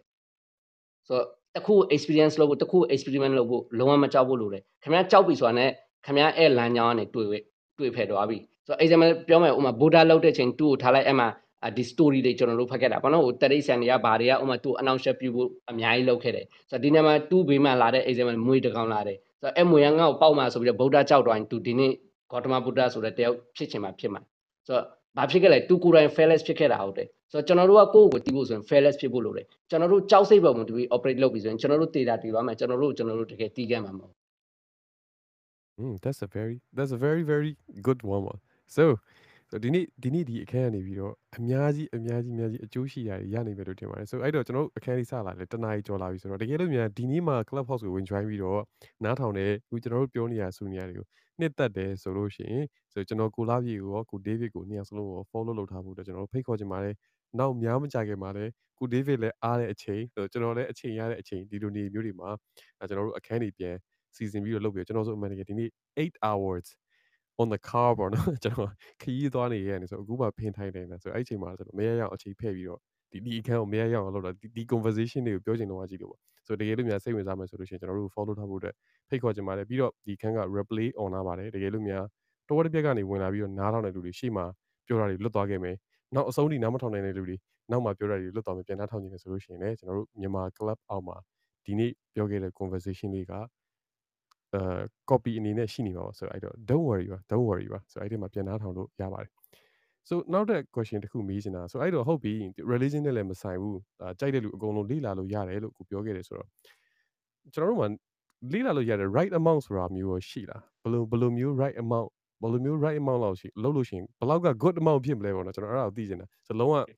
ဒီနေ့မှကိုရလုံးဝ what amount ဆိုတာကြတော့ okay ဆိုတော့အခုတဘောပေါက်ပြီဗျဆိုတော့ okay ကျွန်တော်တို့ကဥမာဘာဖြစ်လဲဆိုရင် အာကျွန်တော်တို့လူတွေမှာအများဖြစ်ပါအကျင့်ရှိတယ်ဆိုရင် overdoing လုပ်တတ်တဲ့အကျင့်တစ်ခုရှိတယ် overdoing ဆိုတာပထမတစ်ခါတစ်ခါဟို meditation လုပ်မယ်ပထမ3ရက်လောက်ကိုတရက်ကို2နိုင်လောက်လုပ်လိုက်တယ်3ရက်နောက်ပိုင်းမှာအဖျားရှူသွားတယ်ဆိုတော့ overdoing တစ်ခုမလုပ်နဲ့ဗျာပြီးနောက်တစ်ခုဥမာကျွန်တော်တို့အာတစ်ခုအစ်စ်ကိုလုပ်မယ်ဆိုရင်ကျွန်တော်တို့အုံနောက်ကိုနားလဲကိုလုပ်တယ်ဆိုတော့ကျွန်တော်တို့အုံနောက်မှာဒီ amygdala ဆိုတာ fight or flight mode တစ်ခုရှိတယ်ဆိုတော့ तू ကကျွန်တော်တို့အစ်စ်တစ်ခုလုပ်ပြီဆိုတာ ਨੇ ကျွန်တော်တို့ဒီ system တစ်ခုလုံးဘာ alert လုပ်လဲဆိုရင် ဒီအတစ်ကမင်းနဲ့ family ရမဖြစ်ဘူး family ရမဖြစ်တော့မင်းမင်းအတွက်အန်တရယ်ရှိတယ်ဆိုပြီးတော့ तू ကပြောတယ်ဆိုတော့ဒီနေရာမှာကျွန်တော်အကြံပေးတာကတတ်နိုင်တယ်လို့အ ਨੇ ဆုံးနဲ့စလုပ်ပြင်ကိုကိုတိုင်းဘယ်လိုပြောမလဲ torture မလုပ်နဲ့ torture မလုပ်နဲ့ပေါ့နော်ပြင်နောက်တစ်ခုဥမာအကြံတစ်ခုပေးချင်တာ meditation စမယ်ဆိုရင်အိမ်ဆုံးကိုယ့်ရဲ့ physicality ကို improve လုပ်ပါလို့ကျွန်တော်အကြံပေးခြင်းတယ်ဒါကျွန်တော်အိမ်တော့ကလည်းပြောဘူးတယ်ဆိုတော့ဒီကျွန်တော်တို့ meditation ဆိုတာ mental spiritual level မှာကျွန်တော်တို့အလုပ်လုပ်တာ ဒါပေမဲ့ကျွန်တော်တို့ရဲ့ဒီ physicality ဆိုတာသူ့ရဲ့ basic foundation ဟုတ်တယ်ဆိုတော့ဒီနေရာမှာကျွန်တော်တို့က physicality အိတ်ရိမ်မမှန်ဘူးအစားတောက်တွေပေါက်တကယ်စားတယ်ဟိုမှာပြီးနောက်တစ်ခုအိတ်ထားခြင်းတဲ့ချိန်မှာထားတယ်လေ့ကျင့်ခန်းတွေပါတယ်မရှိဘူးဆိုတော့ဒီနေရာမှာ basic foundation မကောင်းနေဘူး basic foundation မကောင်းရင်ကျွန်တော်တို့ကအဲ့အပေါ်တွားအလုပ်လုပ်လေဘယ်လိုပြောမလဲနည်းနည်းပါးပါးတော့ဖြစ်ဖြစ်လာနိုင်တယ်ဒါပေမဲ့ဟိုဘယ်လိုပြောမလဲ improvement အများကြီးဖြစ်ဖို့မလွယ်ဘူးဆိုတော့ဒီနေရာမှာ meditation ကိုဘယ်လောက်လုပ်ရမယ်ဥမာ meditation ကစိုးကျိုးတော့မရှိဘူးဟို ဘာဖြစ်သွားမယ်ဆိုတော့ဆိုကြတော့မရှိဘူးဒါပေမဲ့စားတဲ့လူကတော့9မိနစ်ကနေစပါလို့ကျွန်တော်အကြံပေးခြင်းတယ်7မိနစ်9 7မိနစ်ဒါပေမဲ့ overdoing မလုပ်နဲ့ပြီးနောက်တစ်ခုမလောနဲ့ဟိုကျွန်တော်ကိုယ်တိုင် meditation ကိုဟိုမှာ7မိနစ်7မိနစ်နဲ့နှစ်လောက်လောက်သွားတယ်7မိနစ်ပဲကျွန်တော်အခုတရက်ကို7မိနစ်ပဲလုပ်တယ်အများကြီးမလုပ်ကျွန်တော်မကြခင်ဥမာဒါထက်နည်းနည်းတိုးကျင်တာရှိတယ်ဒါပေမဲ့ကျွန်တော်မလုပ်ဆိုတော့အများကြီးဘယ်နှမိနစ်လောက်ရမယ်ဆိုတော့နောက်တစ်ခုပါရှိတယ်ဆိုဥမာ ကျွန်တော်တို့ compete လုပ်တဲ့ပုံစံကျွန်တော်မြင်တယ်တချို့တွေဥမာ meditation ကဘယ်နှမိနစ်နိုင်တယ်30မိနစ်နိုင်တယ်10မိနစ်နိုင်ဟို10နိုင်နိုင်တယ် it's all bullshit ဆိုဟို10နိုင်လောက်လုပ်နေတယ်ဒါပေမဲ့ဟိုအဲ10စက္ကန့်မှာအတွေ့အ16000ဝင်နေတယ်ဟို7မိနစ်လောက်တဲ့လူရဲ့ thoughtless meditation ကအဲ10နိုင်16000အတူဝင်နေတဲ့လူထက် effective ဖြစ်တယ်ဆိုတော့ quality meditation ကိုလုပ်ပါ10မိနစ်ဆိုအဲ10မိနစ်ကို effective ဖြစ်အောင်လုပ်9မိနစ်ဆို9မိနစ်ကို effective ဖြစ်အောင်လုပ်ဗျာအပြင် basic meditation စမယ်ဆိုရင်တော့ဥမာတခု food ကိုစားတောက်တဲ့အစားတောက်တွေဆိုတော့ဒါနဲ့ပတ်သက်ပြီးတော့ကျွန်တော်အိမ်တော့ကလည်းပြောဘူးတယ်ဒီအာအာတက္ကဒီတက္ကသလို့ရှိရဗျာ sattvic rajasic tamasic ဆိုပြီးတော့ food quality in ayurveda ဆိုပြီးတော့ရှာလို့ရတယ် ayurveda ဘိုင်းကိုကျွန်တော်နည်းနည်းလေ့လာဖို့ကျွန်တော် recommend ပေးတယ်ပြီးနောက်တစ်ခုအဲ့ဒါပြီး physicality ကို improve လုပ်ပါပြီးအဲ့ချိန်ပိုင်းကိုနည်းနည်းလေး adjust လုပ်ပါဟို meditation ကျွန်တော်တို့ focus ကောင်းစီတာမဟုတ်ကျွန်တော်တို့ focus ဖြစ်မှ meditation မှာကျွန်တော်တို့ enhance ဖြစ်တာပြီးကျွန်တော်တို့ discipline ဖြစ်မှကျွန်တော်တို့က meditation မှာ enhance ဖြစ်တာကျွန်တော်တို့ကိုယ်တိုင် discipline မရှိဘူးဆိုရင် meditation မှာ enhance ဖြစ်ဖို့မလွယ်ဘူးဗျဟုတ် Wow so sorry for late reply ပါ I was writing down literally writing down so uh, so ပြောတဲ့အရာလုံးဝ mind blowing ဖြစ်စေမယ့်အရာပါဒါပေမဲ့များသောအားဖြင့်လူတွေက focus ကောင်းအောင်လို့ဆိုပြီးတော့ meditate လုပ်ကြတယ်ဒါပေမဲ့ တကယ်တမ်းကျတော့ focus ကောင်းပါ meditate ကပိုလို့လို့ကောင်းတယ်ဆိုတော့ကိုကပြောင်းပြန်ပြန်ပြောသွားဆိုတော့ဒါကျွန်တော်တို့ကဒါပထမဆုံးချိန် first time ကြားတာဆိုသူများရေဆိုလို့ရှိရင်လည်းစိတ်ချမ်းသာဖို့အတွက်ဆိုပြီးတော့ထိုင်ဆိုစိတ်ကခန္ဓာကိုယ်ကလုံးဝချမ်းသာကျန်းမာနေမှ meditation တောက်လို့ရတယ်ဆိုတာဒီအခုပြန်ပြောပြရဆိုတော့ဆိုကျွန်တော်သိရတဲ့ဟာတွေပြောလို့ရှိရင် vice versa တွေဖြစ်နေပေါ့ဒါပေမဲ့ it makes sense လို့ထင်တယ်ပေါ့နော်တကယ်တမ်းသာကိုက focus မကောင်းမင်းနဲ့ခုနပြောလို့ discipline တွေမရှိဘဲနဲ့ဒါ သွားထိုင်မယ်ဆိုလို့ရှိရင် discipline မကောင်းတဲ့လူတော့ကအမှန်တမ်းပြောလို့ရှိရင် quit ဖြစ်ဖို့အတွက်အရန်လွယ်တယ်ပေါ့ဆိုတော့ဘယ်လိုနည်းနဲ့များဆက်ပြီးကြာကြာဆက်ထိုင်နိုင်မလဲပေါ့ဆိုတော့အဲ့ဒါတွေကမဖြစ်နိုင်ဘူးလို့ထင်ဒါပေမဲ့တော်တော်များများကဒီမှာဆိုလို့ရှိရင်ဆိုဆရာဆရာကနေပြီးတော့အမေထိုင်ကိုထိုင်ရမယ်ဘာတွေဖြစ်ဖြစ်ငါတို့ဒါတွေဒါတွေဒါတွေလုပ်ပြီးမယ်ဆက်ပြီးသွားပါလို့ပါကျွန်တော်တို့ YouTube မှာတွေ့တဲ့ဗီဒီယိုတွေရှိတယ်ပေါ့နော်ဆိုတော့ဘယ်ဘယ် stage ကိုရောက်နေပြီးဆက်ပြီးတီးခံထားပါအဲ့အဲ့လူကလှုပ်ချင်လောကကြီးလို့ဒုက္ခတွေအများကြီးခံစားနေရပြီဆို အဲ့အဲ့ဒါတွေကရောဘလို့ဘာတွေလဲပေါ့အဲ့ဒါတော်တော်ကိုကောင်းတာတော့ကောင်းပြီဗျာဒါပေမဲ့ဘယ်လိုပြောမလဲလိုအပ်တာထက်ပိုပြီးတော့ဒုက္ခခံရတယ်လို့ကျွန်တော်မြင်တယ်ဟို meditation ကရှင်းရှင်းပြောရင်ဥမာကျွန်တော်တို့အများဖြစ်ကျွန်တော်လည်းဖြစ်ခဲ့ဘူးလေဗျာဟိုကျွန်တော်ငငယ်လေးတုန်းကလည်းဥမာကျွန်တော်တို့ဒီတရက်တရားစခန်းတို့၃ရက်တရားစခန်းတို့ဘာတို့ထိုင်ဘူးလေဗျာဆိုတော့အဲ့မျိုးတွေထိုင်နေဒါပေမဲ့အဲ့ဝေးတွေကဘယ်လိုပြောမလဲကိုအတွက်ကိုကိုလိုအပ်တာထက်ပိုဒုက္ခပေးတယ်လို့ကျွန်တော်မြင်တယ်ဆိုတော့အဲ့လောက်ဒုက္ခပေးကြမလို့ဗျာ it's a uh, easily လုပ်လို့ရတဲ့ process တစ်ခုတည်း meditation က ဘယ်လိုပြောမလဲကိုကိုယ်တိုင် way မတိလို့ complicated ဖြစ်နေတာဆိုတော့ example ကျွန်တော်တို့အများဖြစ်တရားထိုင်တယ်ဟိုအနောက်ကခါးတွေပါတွေကြိုက်တယ်ဆိုတော့ဒီခါးတွေပါတွေဘာကြောင့်ကြိုက်တာလဲရှင်းရှင်းလေးပဲအဲ့ဒါစဉ်းစားလိုက်ခါးတွေပါတွေကြိုက်တာကျွန်တော်တို့လေ့ကျင့်ကမလုပ်လို့ပြီးရင်ကျွန်တော်တို့ထိုင်တဲ့ပုံစံတွေမလုပ်လို့ဆိုတော့အဲ့နေမှာခါးတွေပါတွေကြိုက်တယ်ဆိုမနဲ့ပြေဒို့မို့ yoga နည်းနည်းပပလုပ်ပြီးနောက်တစ်ခုအာ gym တွေပါတွေနည်းနည်းဆော့လိုက်အဲ့ခါးကြိုက်တာပျောက်သွားမယ်ဆိုတော့အဲ့နေရာမှာခါးကြိုက်တယ်ဆိုပြီးတော့ရတယ်ငါတစ်ရက်လုံးမယ်နှစ်ရက်လုံးမယ်ဟို30ရက်ဆိုရင်တော့ခါးကြိုက်တာပျောက်မယ်ဆိုပြီးဘာလို့30ရက်ထိခါးအနာခံမလဲဟို 9ရက်6ရက်လောက် gym လုပ်လိုက်တယ်ဒို့မဟုတ်ဟို9ရက်6လောက် yoga လုပ်လိုက်ရင် meditation 9ရက်6လောက် gym ဒို့မဟုတ် yoga လုပ်ပြီးတော့ meditation လုပ်ကြည့်လိုက်အဲ့ခါနာတွေဘာတွေက auto ပျောက်တယ်ဟိုဘာလို့အများကြီးရက်30လောက်ထိဒုက္ခတော့ခံမလဲပြီးနောက်တစ်ခုကျွန်တော်တို့ရဲ့ hormonal balance အဲ့ချိန်တွေဘာတွေပြတ်တယ်ပါညာဆိုရင်ကျွန်တော်တို့ရဲ့ hormonal balance အထက်မှာတွားမငြိမ်ဘူးဆိုတော့ကျွန်တော်တို့ရဲ့ chemicals ဒီကျွန်တော်တို့မှာဒီကျွန်တော်တို့ရဲ့ဒီ chemistry တစ်ခုကမငြိမ်နေဘူးဆိုရင်ကျွန်တော်တို့ရဲ့ physicality မလွယ်ဘူး မငြိမ်ဘူး physicality မငြိမ်ဘူးဆိုရင်ကျွန်တော်တို့ရဲ့ဒီ spiritual mental ဘိုင်းတွေတွားမငြိမ်ဘူးဆိုတော့အဓိကရှင်းရှင်းလေးပဲကျွန်တော်တို့အများဖြစ်ဟို basically အာရှင်းရှင်းလေးပဲဟိုအဲ့ချိန်မမှန်ဘူးလေ့ကျင့်ငယ်မလုပ်ဘူးအစားအသောက်တွေပေါက်တကယ်ဟိုမှာပေါက်တကယ်ဆိုတာတဲ့ဟိုမှာဘယ်လိုပြောမလဲ junk food fast food တွေပေါ့အဲ့မျိုးတွေစားတယ်အဲ့မျိုးလူတွေမှာသူတို့ရဲ့ chemistry နဲ့ဒီ physics ဒီ physicality မှာမာနေတယ်ဆိုအဲ့နှစ်ခုအရင် fix လုပ်လိုက် fix လုပ်ပြီးတော့ဆို mental spirituality ကသူ့အတူ flow သွားလိမ့်မယ်ဆိုတော့ကျွန်တော်တို့ဒီဥမာထားလိုက်ဗျာရတဲ့ meme တရက်နာမယ်နှစ်ရက်နာမယ်အာ ရက်30လောက်လောက်သွားလိုက်ဆိုတော့အရာကြတော့ဘယ်လိုပြောမလဲဟိုအတင်းလောက်ခိုင်တဲ့အရာတစ်ခုလို့ကျွန်တော်မြင်တယ်အတင်းလုံးနေစရာမလိုဒီမှာကျွန်တော်တို့ရဲ့ chemistry မှာနေတယ်ဆို chemistry ကိုမှန်ဖို့အတွက်အဲ့ချိန်မှန်လိုက်လေ့ကျင့်ခန်းပုံမှန်လုပ်လိုက်အဲ့မှာ chemistry တဖြည်းဖြည်းမှန်သွားလိမ့်မယ်ဟိုအာ physicality ခါးတွေပါနေနာတာကိုဟိုဖြည့်ခြင်းလေ့ကျင့်ခန်းတွေပါတွေလုပ်လိုက်ဟို yoga တို့ aerobic တို့เนาะဒိုမိုကာရာတို့ဒိုမိုအမျိုးပြီးသွားပြီဆိုရင်ချက်ချင်း meditation ထိုင်ကြည့်လိုက်ဟိုခဏဒီတိုင်းအတင်းလုပ်တဲ့ပုံစံနဲ့အဲ့ဒါနဲ့မှအများကြီးကွာသွားလိမ့်မယ် ဆိုတော့အဲ့ basic thing တွေကို fix လုပ်ဗျာဒီ physics chemistry အဲ့နှစ်ခုကို fix လုပ်လိုက်ဒီ physical နဲ့ကျွန်တော်တို့ရဲ့ဒီ chemistry ကို fix လုပ်လိုက်ဟို mental spiritual ကသူ့အတူ auto enhance ဖြစ်သွားလိမ့်မယ် Yeah that's a very very true so ကျွန်တော်ပထမဆုံးတရားထိုင်တော့ကျွန်တော်မှာ6ကျင်တဲ့ပြဿနာရှိတယ်အကြာကြီးမထိုင်နိုင်ဘူးဆိုအဲ့တော့ကျွန်တော်ဒီ club house ပေါ်မှာကျွန်တော်ကို Kevin ဆိုတဲ့အကိုနဲ့ကျွန်တော်တို့ထိုင်တယ်အဲ့ဒီမှာသူနဲ့အတူတူ yoga နီးပြပြီးတဲ့ Tanya ဆိုတဲ့ အမတယောက်ရှိတယ်ပေါ့နိုင်ငံခြားသူဟောင်ကောင်ကဆို तू ကဘာပြောလဲဆိုလို့ရှိရင်နင်းအဲ့လို6လောက်ကျင်နေတယ်ဆိုလို့ရှိရင်တရက်ကိုတဲ့နင်ထိုင်တာများတယ်ထင်တယ်ပေါ့နော်ဆိုနင်တရက်ကို squat 20 squat လုပ်ပါပေါ့ squat ထိုင်လိုက်ပါနင်ကောင်းသွားလိမ့်မယ်ကျွန်တော်အစလုံးဝမယုံဘူးပေါ့ဒါပေမဲ့တကယ်20 squat ထိုင်လိုက်တဲ့အချိန်မှာကျွန်တော်နောက်နောက်ပိုင်းနောက်ပိုင်းနေမှာကျွန်တော်ထိုင်တဲ့အခါမှာတရားထိုင်တဲ့အခါမှာလုံးဝလုံးဝလုံးဝ6လောက်ကျင်ချင်းပြူချင်းမရှိတော့အဲ့တော့အဲခုနကအခုပြောသလိုကျွန်တော်ဆက်ဆက်ပြီးတွေ့တယ်ငါခါနာတယ်အဲ့တော့ ခါနာတယ်ဆိုလို့ရှိရင်ခါရဲ့မာဆယ်မတန်တာဖြစ်မယ်အဲ့တော့ငါဘာလေ့ကျင့်ခဲ့တယ်လုပ်လို့ရတယ် online မှာလိုက်ရှာလိုက်တော့ကျွန်တော် yoga တော့အဲ့ချိန်မှာမ try ဘူးเนาะကျွန်တော်ဘာသွားပြီးရှာမိလဲဆိုလို့ရှိရင် morning glory လို့ခေါ်တယ် so အဲ့ခါခါကို6လောက်ဆန်လာပြီးတော့ခါကိုပြန်မှတ်ပြီးခါနဲ့ပြန်ထိန်းပြီးတော့ခန္ဓာကိုယ်ပြန်မှတ်တဲ့လေ့ကျင့်ခန်း so good morning လို့လည်းခေါ်ကြတယ်ထင်တယ် so အဲ့အဲ့ဒါတွေပြင်ပြလုပ်ရင်းနဲ့ကျွန်တော်ပြန်ကောင်းသွားတာကိုတွေ့ရတယ်အဲ့တော့ကို David ပြောတဲ့ဟာကျွန်တော်100% 100%ကျွန်တော်ထောက်ခံပါတယ် share ပေးတော့တဲ့ကျေးဇူးအများကြီးအများကြီးအများကြီးတင်တယ်ဆိုတော့အဲ့တော့ good amount ကိုလည်းသိရပြီအာလုပ်ပုံလုပ်နည်းလည်းသိပြီဆိုတော့ so အမြင်နဲ့လို့ beginner တွေမှာမှားရတဲ့အမားတွေရှိတယ်ဆိုကို David အနေနဲ့ရောအဲ့လို beginner တွေအမားအများဆုံးဖြစ်နေတဲ့အမားဘာလေးတွေဖြစ်မယ်လို့မြင်လဲဗျဟုတ်ဆို beginner တွေအများဖြစ်ဥမာကျွန်တော်ကိုယ်တိုင်လည်းမှားခဲ့ပါတယ်ဆိုတော့ဖြစ်တဲ့အမားတစ်ခုကဘာလဲဆိုရင် okay ဆိုတော့ကျွန်တော်တို့အုံနောက်က wine တခုဒီ meditation နဲ့အကျိုးကျေးဇူးကောင်းကောင်းမရဘာရမလဲမသိပဲနဲ့သူ့ကို convince မလုပ်နိုင်ဘူးဆိုရင်ကျွန်တော်တို့အဲ့ဒါမလုပ်ဖြစ်ဘူးဥမာကျွန်တော်ကိုယ်တိုင်အိမ်တော့ meditation လုပ်တယ်ဒါပေမဲ့အဲ့ဒါရဲ့အကျိုးကျေးဇူးဘာညာဆိုတော့ ပုံစံကျွန်တော်မသိဘူးကျွန်တော်ကိုယ်တိုင်လည်းမလေ့လာဘူးကျွန်တော်အုံနောက်ကိုဒါကိုလောက်အောင်ကျွန်တော် convince မလုပ်ခဲ့ convince မလုပ်ခဲ့တော့ကျွန်တော်မလုပ်ဖြစ်ဘူးဆိုတော့အရင်ဆုံးဘာလုပ်လဲဆိုရင်ကိုယ့်ကိုဒီ meditation ရဲ့ benefit တွေကိုဘာဘာရှိတယ်ဟို scientifically ဘာတွေအကုန်လုံးသိအောင်လုပ်ပါအဲ့ဒါတစ်ခုပြီးနောက်တစ်ခုကိုယ့်ရဲ့ physicality physicality ဆိုတာဒီကျွန်တော်ခဏပြောတဲ့လေ့ကျင့်ခန်းတွေပါတယ်ဥမာနောက်တစ်ခုဒီအစားတောက်တွေကိုယူဆိုင်ပါ ဆိုတော့ကျွန်တော်တို့အများဖြစ်ဘာလုပ်လဲဆိုရင် okay meditation လုပ်ဆိုဆိုပြီးဆို okay ငါဒီနက်ဖြန် meditation try မယ်ဆိုပြီးတော့တခါတည်းမနက်ထားတယ်ဒုမဟုတ်ထိုင်နေညနေပိုင်းမှာထိုင်နေဒီတိုင်းဥမာခါအောင်ဒီလိုအတင်းထိုင်နေထိုင်ပြီးတော့ပြီဆိုရင်ဝင်နေထွက်လို့ရှူပါဆိုပြီးတော့ဥမာဒီတိုင်းသွားတယ်ဆိုတော့ဒီနေ့မှာ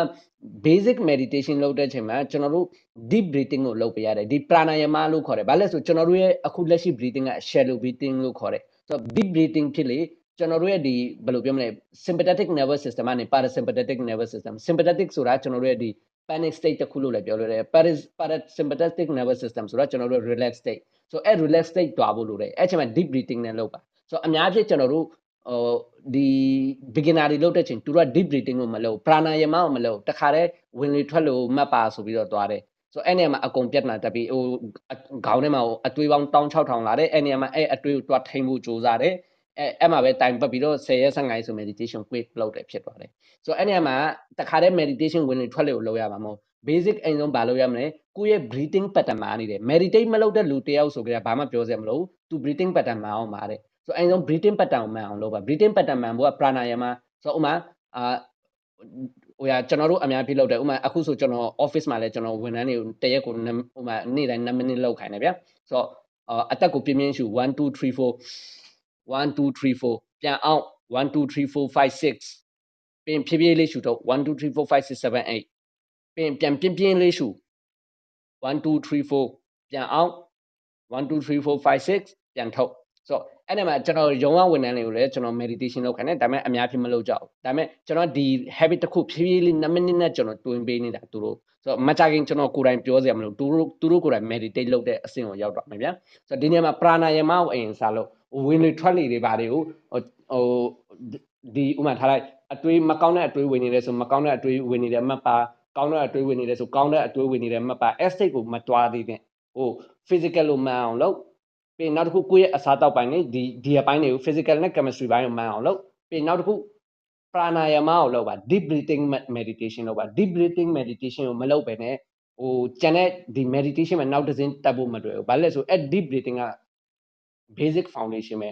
ကျွန်တော်တို့ရဲ့ breathing pattern မှာနေတယ်အဲ့ pattern ကိုမှန်အောင်မချိန်မနဲ့ကျွန်တော်တို့က meditation ကိုနောက်တစ်စင်းတက်ဖို့မလွယ်ဘူးဗျဆိုတော့အများကြီးလူတွေကဘာဖြစ်လဲတခါတည်းသူတို့အဲ့အဆင့်တွေအကုန်လုံးတွားတယ်ကြော်တယ်တခါတည်းဝင်လေထွက်လေမှတ်ပါဆိုတဲ့အဆင့်ကိုရောက်သွားတယ်အဲ့နေရာမှာသူတို့တိုင်သွားဖတ်တယ်ဗျဟုတ်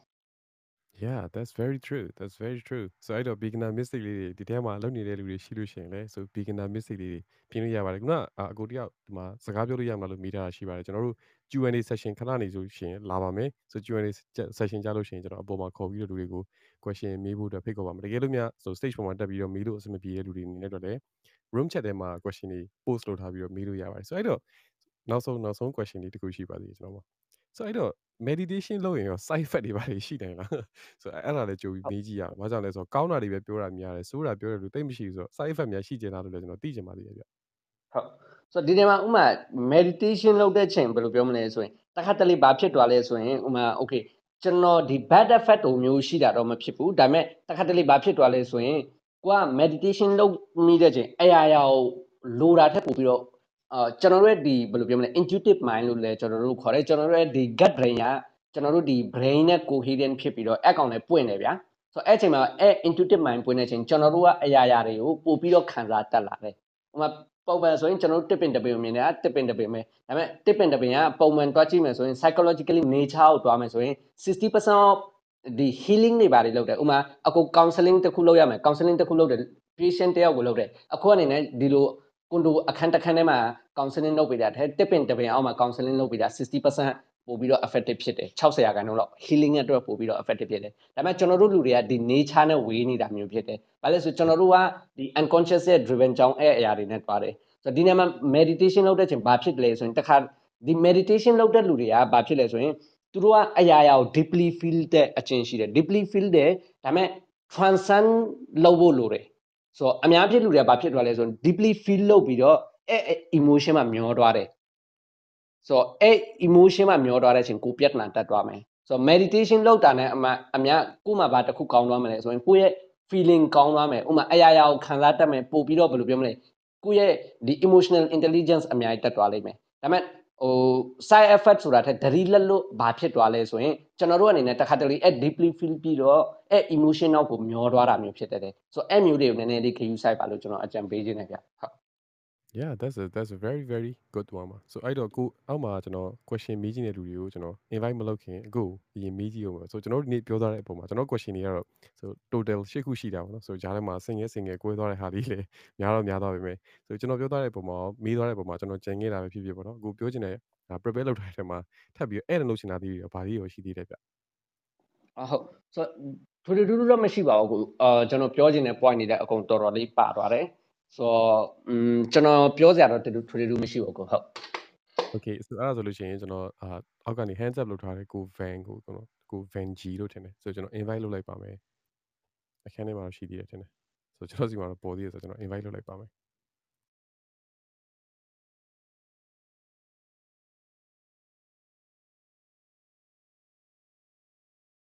ဟုတ်တခြားနားထောင်တဲ့ဟိုညီကောင်မောင်နှမတွေရောဒီထဲမှာရှိတဲ့တငယ်ချင်းပေါ်တာမိတ်ဆွေတွေရောအကုန်လုံးပဲတခြားမေးခွန်းမေးစရာရှိတယ်ဆိုလို့ရှိရင် so ကျွန်တော်တို့ hands up လုပ်ပြီးတော့အပေါ်တက်လာလို့လည်းရသလိုဆို question တွေလည်းမေးပြီးလို့ရပါတယ် so ကို van ကိုတော့ကျွန်တော် invite လုပ်ထားတယ်ပေါ့နော် so အခုထိတော့တက်မှာသေးဘူး so တကယ်လို့များဟိုမအားတော့ဘူးဆိုလို့ရှိရင်လည်းပေါ့နော်နောက်နေ့နောက်နေ့နောက်အခန်းလေးမှာ so လာ join ပြီးတော့မေးလို့ရပါဒီအခန်းပြီးသွားလို့ရှိရင်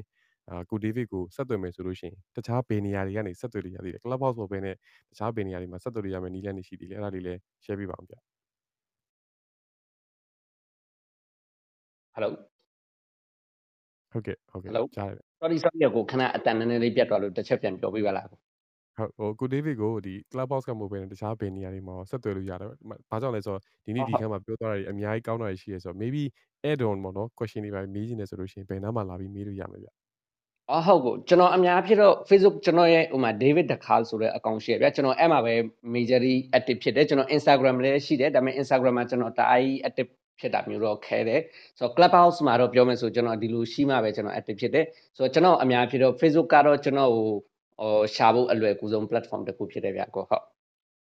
ဟုတ်ကဲ့ပါဟုတ်ကဲ့ပါအခုလိုမျိုးတကူးတကအချိန်ပေးပြီးတော့မအားတဲ့ဂျာ event တွေအများကြီးလုပ်နေတဲ့ဂျာတွေကနေပြီးတော့ဆိုကျွန်တော်အချိန်ပေးဒီမှာ Clubhouse မှာစကားလာပြောပြီးတဲ့အတွက်ကျေးဇူးအများကြီးအများကြီးတင်ကျွန်တော်အောက်မှာ invite လုပ်ကြည့်ပေးမယ်ဆိုခုန invite လုပ်လိုက်တဲ့အကူကတက်မလာဘူးဆိုတော့ဆိုတခြားတော့ထူထူထူမေးစရာမရှိတော့ဘူးဒီထဲမှာအမေးထားတဲ့မေးခွန်းလေးတစ်ခုရှိပါသေးတယ်ကျွန်တော်ကျွန်တော် chat ထဲမှာမေးထား creativity အတွက်ကို meditation လုပ်လို့ရလားဆိုတာသိချင်ပါသေးတယ် meditation for creativity အကြောင်းလည်းသိချင်ပါတယ် creativity တက်ဖို့အတွက် meditate လုပ်လို့ရလား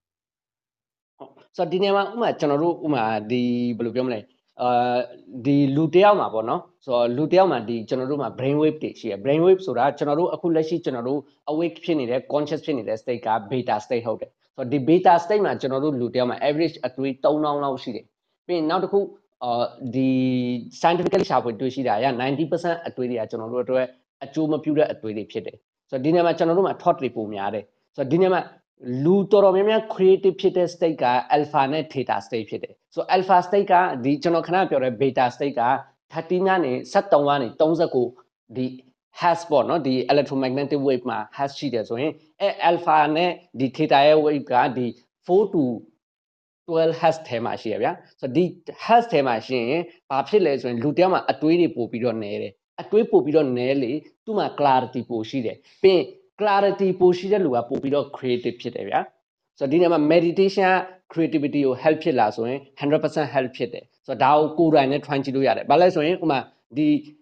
အတွေးရှင်းနေတဲ့လူဘာလဲဆို confuse ဖြစ်နေတဲ့လူအတွေးများနေတဲ့လူတို့မဟုတ်ကြောက်စိတ်တွေ emotion တွေလွမ်းမိုးတဲ့လူလွမ်းမိုးနေတဲ့လူက creative ဖြစ်ဖို့မလွယ်ဘူး အဲ emotion တွေ clarity တစ်ခုရှိတယ်ဥမာ fair မရှိဘူးတို့တို့မဟုတ် emotion တွေဂျလုံးမလုံးမဖြစ်နေတဲ့လူတယောက်က creative ဖြစ်ဖို့ပို့ပြီးတော့လွယ်တယ်လို့ကျွန်တော်မြင်တယ်ပေါ့ဟုတ်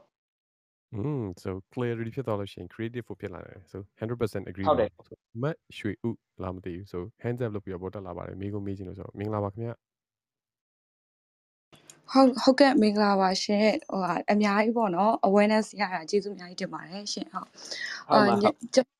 ဟုတ်ကျဟုတ်ကျွန်မမေးချင်တာကကြတော့ပေါ့နော်အာကျွန်မဒီတရားထိုင်ထိုင်နေပေါ့ဟိုထိုင်နေဆိုရင်တခါကျရင်ထိုင်နေနဲ့ဟိုဇန်ပုံစံမျိုးပေါ့နော်ထိနေရလည်းမဟုတ်ဘူးမြောက်နေရလည်းမဟုတ်ဘူးပေါ့နော်ဒီဂျားထဲမှာပဲ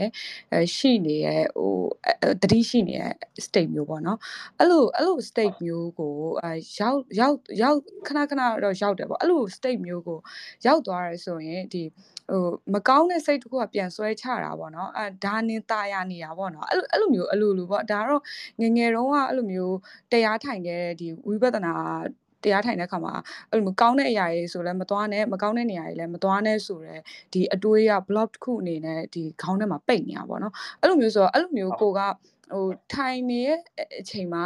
အဆင်ပြေနေကိုကိုကိုခန္ဓာကိုယ်ပေါ်မှာလည်းသတိရှိရပေါ့နော်အကုန်အကုန်လုံးပေါ်မှာသတိရှိတခါကြအဲ့လိုမျိုးအလင်းတွေဖြစ်သွားအမှုန်လေးတွေဖြစ်သွားတာမျိုးပေါ့နော်ကိုကိုရဲ့ဒီ cells တွေရဲ့ဒီလှုပ်ရှားနေတဲ့အရာတွေပါခံစားမိနေရမျိုးပေါ့အဲ့အဲ့လိုမျိုး state ရောက်သွားတယ်ဆိုရင်ဘလို့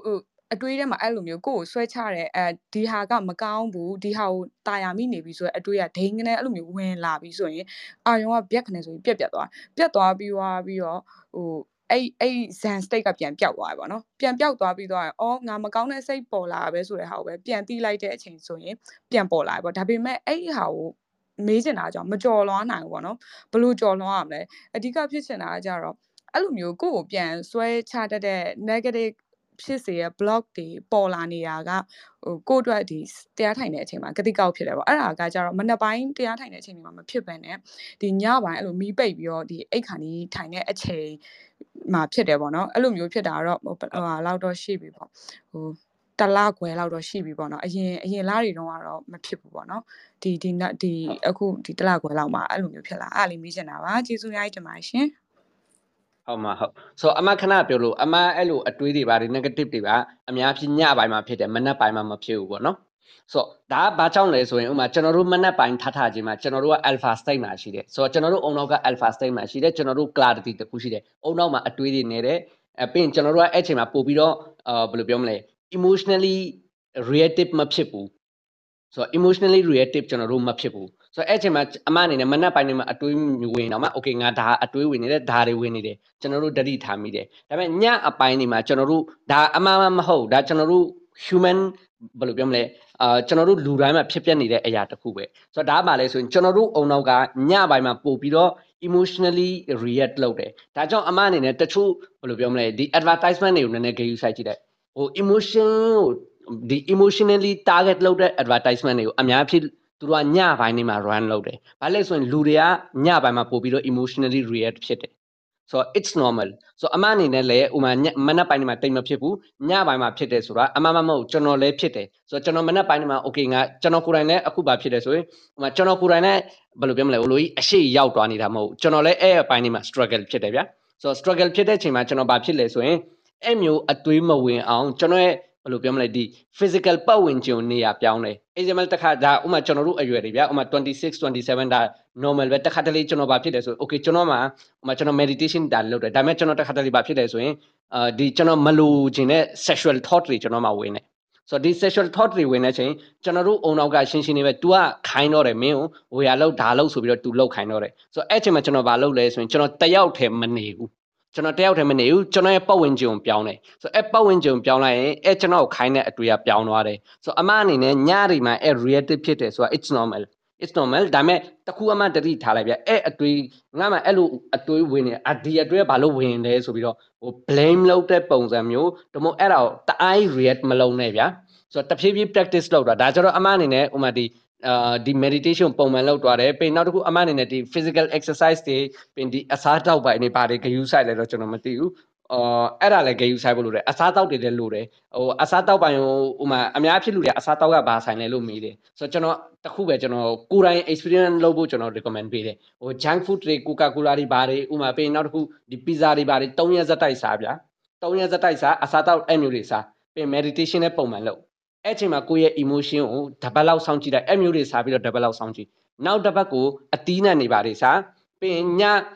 ဘယ်လိုပြောမလဲဥမာနေမဝင်ခင်အစားတောက်ကိုအပီစားဆိုတော့ပြီးရင်အတီးနဲ့နေပါတွေစား junk food fast food တွေမှာစားနေတတ်နိုင် vegetable လို့80%စားပြီးဆိုတော့အဲ့မျိုးစားပြီးတော့ကိုယ့်ရဲ့အတွေးတွေကိုပြန်ကြည့်ယူဆိုင်လိုက်ကိုကိုကိုယ်တိုင်ကိုအဲ့အဲ့နှစ်ခုရဲ့ difference ကိုကျွန်တော်မြင်သွားမယ်ဗျာဆိုတော့အဲ့နေရာမှာအမအနေနဲ့ဒါကြောင့်ဆိုတာမျိုးဥမာထားဗျာ example အမအနေနဲ့ဟိုအဲ့ရေး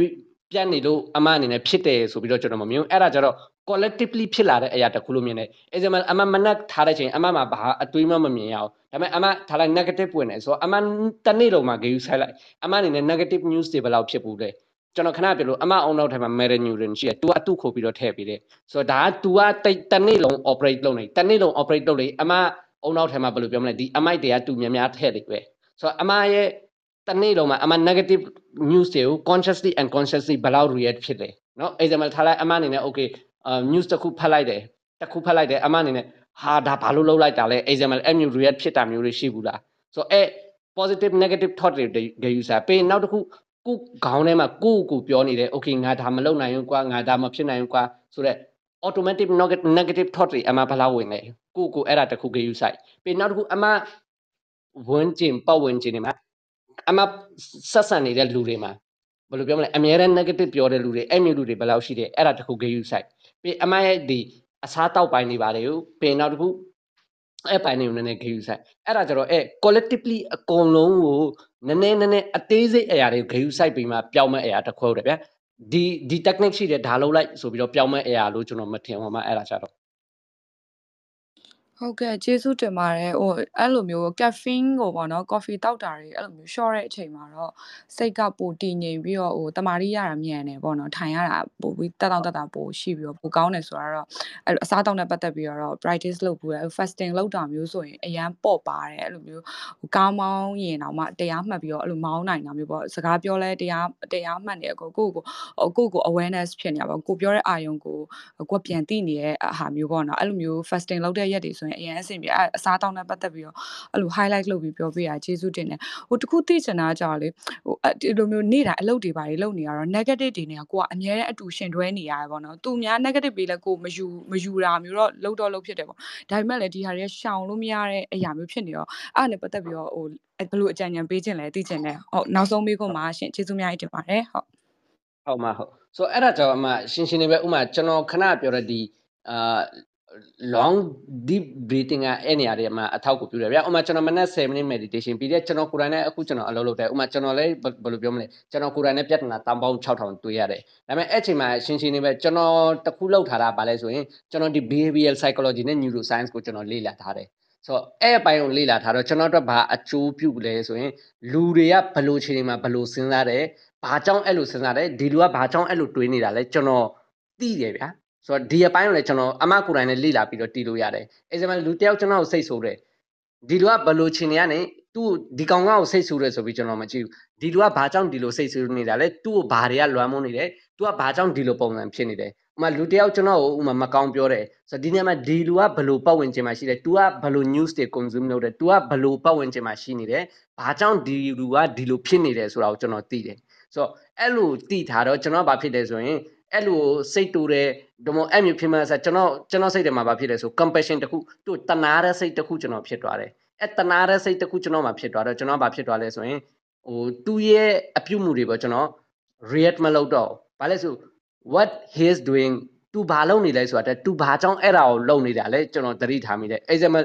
ဘာဖြစ်လဲဆိုဥမာ example rapers တယောက်ဥမာ rape လုပ်တဲ့လူတယောက်ဟာဒီကောင်ဘာကြောင့် rape လုပ်တာလဲအဲ့လိုလဲဆိုတာတဲ့ကျွန်တော် approach ကဘာလဲဆိုရင် သူ့ကို rape လုပ်ရအောင်ဘာတွေကသူ့ကိုလွမ်းမိုးနေခဲ့ရလဲသူကဘယ်လိုပတ်ဝန်းကျင်မှာနေခဲ့ရလဲအဲ wine တစ်ခုကိုလေ့လာထားတယ်အဲ့ဒါကျတော့အမှ behavioral psychology နဲ့ neuroscience ကနေအမှလေ့လာလို့ရတယ်သူဘာကြောင့်အဲ့ဒါတွေလုပ်နေတာလဲဥမာ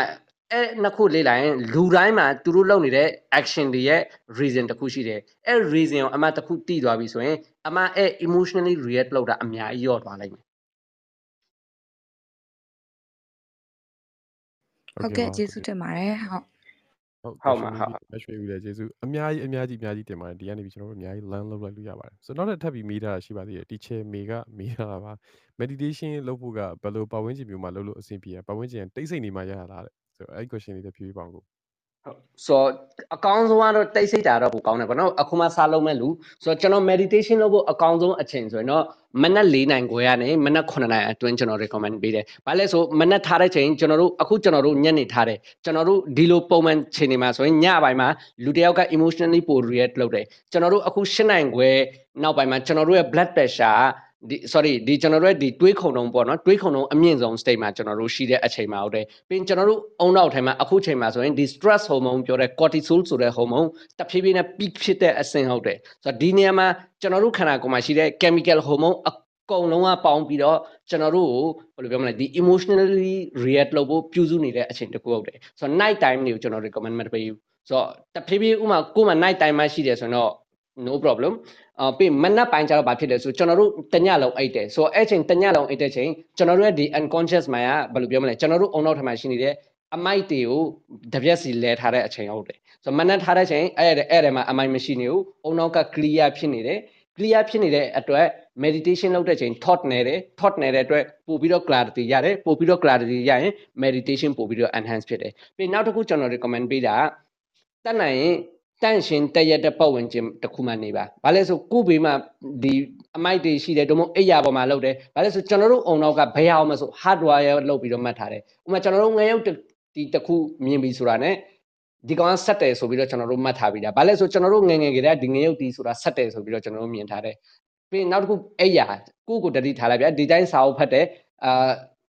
ဆိုဖာပေါ်မှာဖတ်တယ်ဘာမှမဖြစ်ဘူးဒါပေမဲ့အိယာပေါ်မှာရောက်ပြီဆိုတော့ ਨੇ စာအုပ်ဖတ်ခြင်းနဲ့ဘာဘာကြောင့်အိတ်ချင်တော့လဲ။ ဆိုတော့ကျွန်တော်တို့အုံနောက်ကမင်းအိယာပေါ်ရောက်ပြီအိယာပေါ်ရောက်ပြီဆိုတော့မင်းအိယာမဲ့နေရဆိုပြီးတော့ तू ကတတ်မှတ်ထားပြီးသားဆိုတော့အဲ့ချိန်မှာကိုက meditation ကို try ရင်အိယာမယ်ဆိုတဲ့ conflict နဲ့ meditation ဆိုတဲ့ conflict နှစ်ခုကလာတယ်ဆိုတော့ကိုကအဲ့ conflict နှစ်ခုကိုတွားပြီးတော့ဘယ်လိုပြောမလဲကိုကောင်းထဲမှာထည့်ပေးလိုက်တယ်လို့ဖြစ်နေတယ်ဆိုတော့ clean space တခုလွတ်လပ်တဲ့နေရာတခုရှိနေတဲ့အချိန်မှာ ကျွန်တော်တို့အုံနောက်ထဲမှာ air condition တခုမရှိနေဘူးဟိုဒါကအိတ်တဲ့နေရာဘာအိတ်တဲ့နေရာဘာလောက်တဲ့နေရာဆိုပြီးတော့မရှိဘူးဆိုတော့ကျွန်တော်ကအဲ့ meditation လုပ်တဲ့ချိန် proper space တခုထားပါ clean space လွတ်လပ်တဲ့ space ပြီးအများရန်လုပ်တဲ့နေရာတခုထားပါဆိုတော့အဲ့နေရာမှာကျွန်တော်တို့က meditation ကိုပုံမှန်တစ်လားလောက်လုပ်တော့ရဆိုရင်ကျွန်တော်တို့အုံနောက်ကဘာဖြစ်တော့လဲမင်းဒီနေရာရောက်ရင်ဒါမင်းရဲ့ meditation လုပ်ရမယ့်နေရာဆိုပြီးတော့ hardwire thinking belief တစ်ခုတူမှရှိသွားမယ်အဲ့ဒါဆိုရင်အမှအတွက် meditation အတွက်အများကြီးလွယ်သွားမယ်ဆိုတော့ကျွန်တော် recommend လုပ်တာတော့ ultimately မနက်ပိုင်းကို recommend လုပ်တယ်ပြီးရင် meditation လုပ်တဲ့ချိန်နေရာတစ်ခုတတ်နိုင်တတ်မှတ်ပါတိတ်ဆိတ်ငြိမ်သက်တဲ့နေရာအာအဲ့မျိုးဘိုင်းကိုတတ်မှတ်ပါပေါ့နော်အဲ့ဒါကိုတော့ကျွန်တော်ပို recommend ပေးတယ်ဗျဟုတ် Okay ပါဆိုဖြီးပြီးတဲ့ကျေးဇူးအများကြီးတင်ပါတယ်ဗမာတွေအတွက်ဆိုလို့ရှိရင်တော့ခုနကပြောတဲ့အသက်ရှူတဲ့ခါမှာ pranayama လုပ်တဲ့ခါမှာကြားထဲမှာ step တစ်ခုဖြစ်တယ်ခဏအောင့်လိုက်တာမျိုးလုပ်တဲ့ဟာကို တိတ်ပြီးတော့အကျွမ်းတဝယ်မရှိဘူးပေါ့နော်ဆိုအဲ့ဒါအဲ့ဒါဘာကြောင့်လုပ်ရလဲလို့မီးထားတာရှိအဲ့ဒါအဲ့ဒါလို့ဘာပိုကောင်းတာလဲကိုအာဘယ်အောင်လဲကို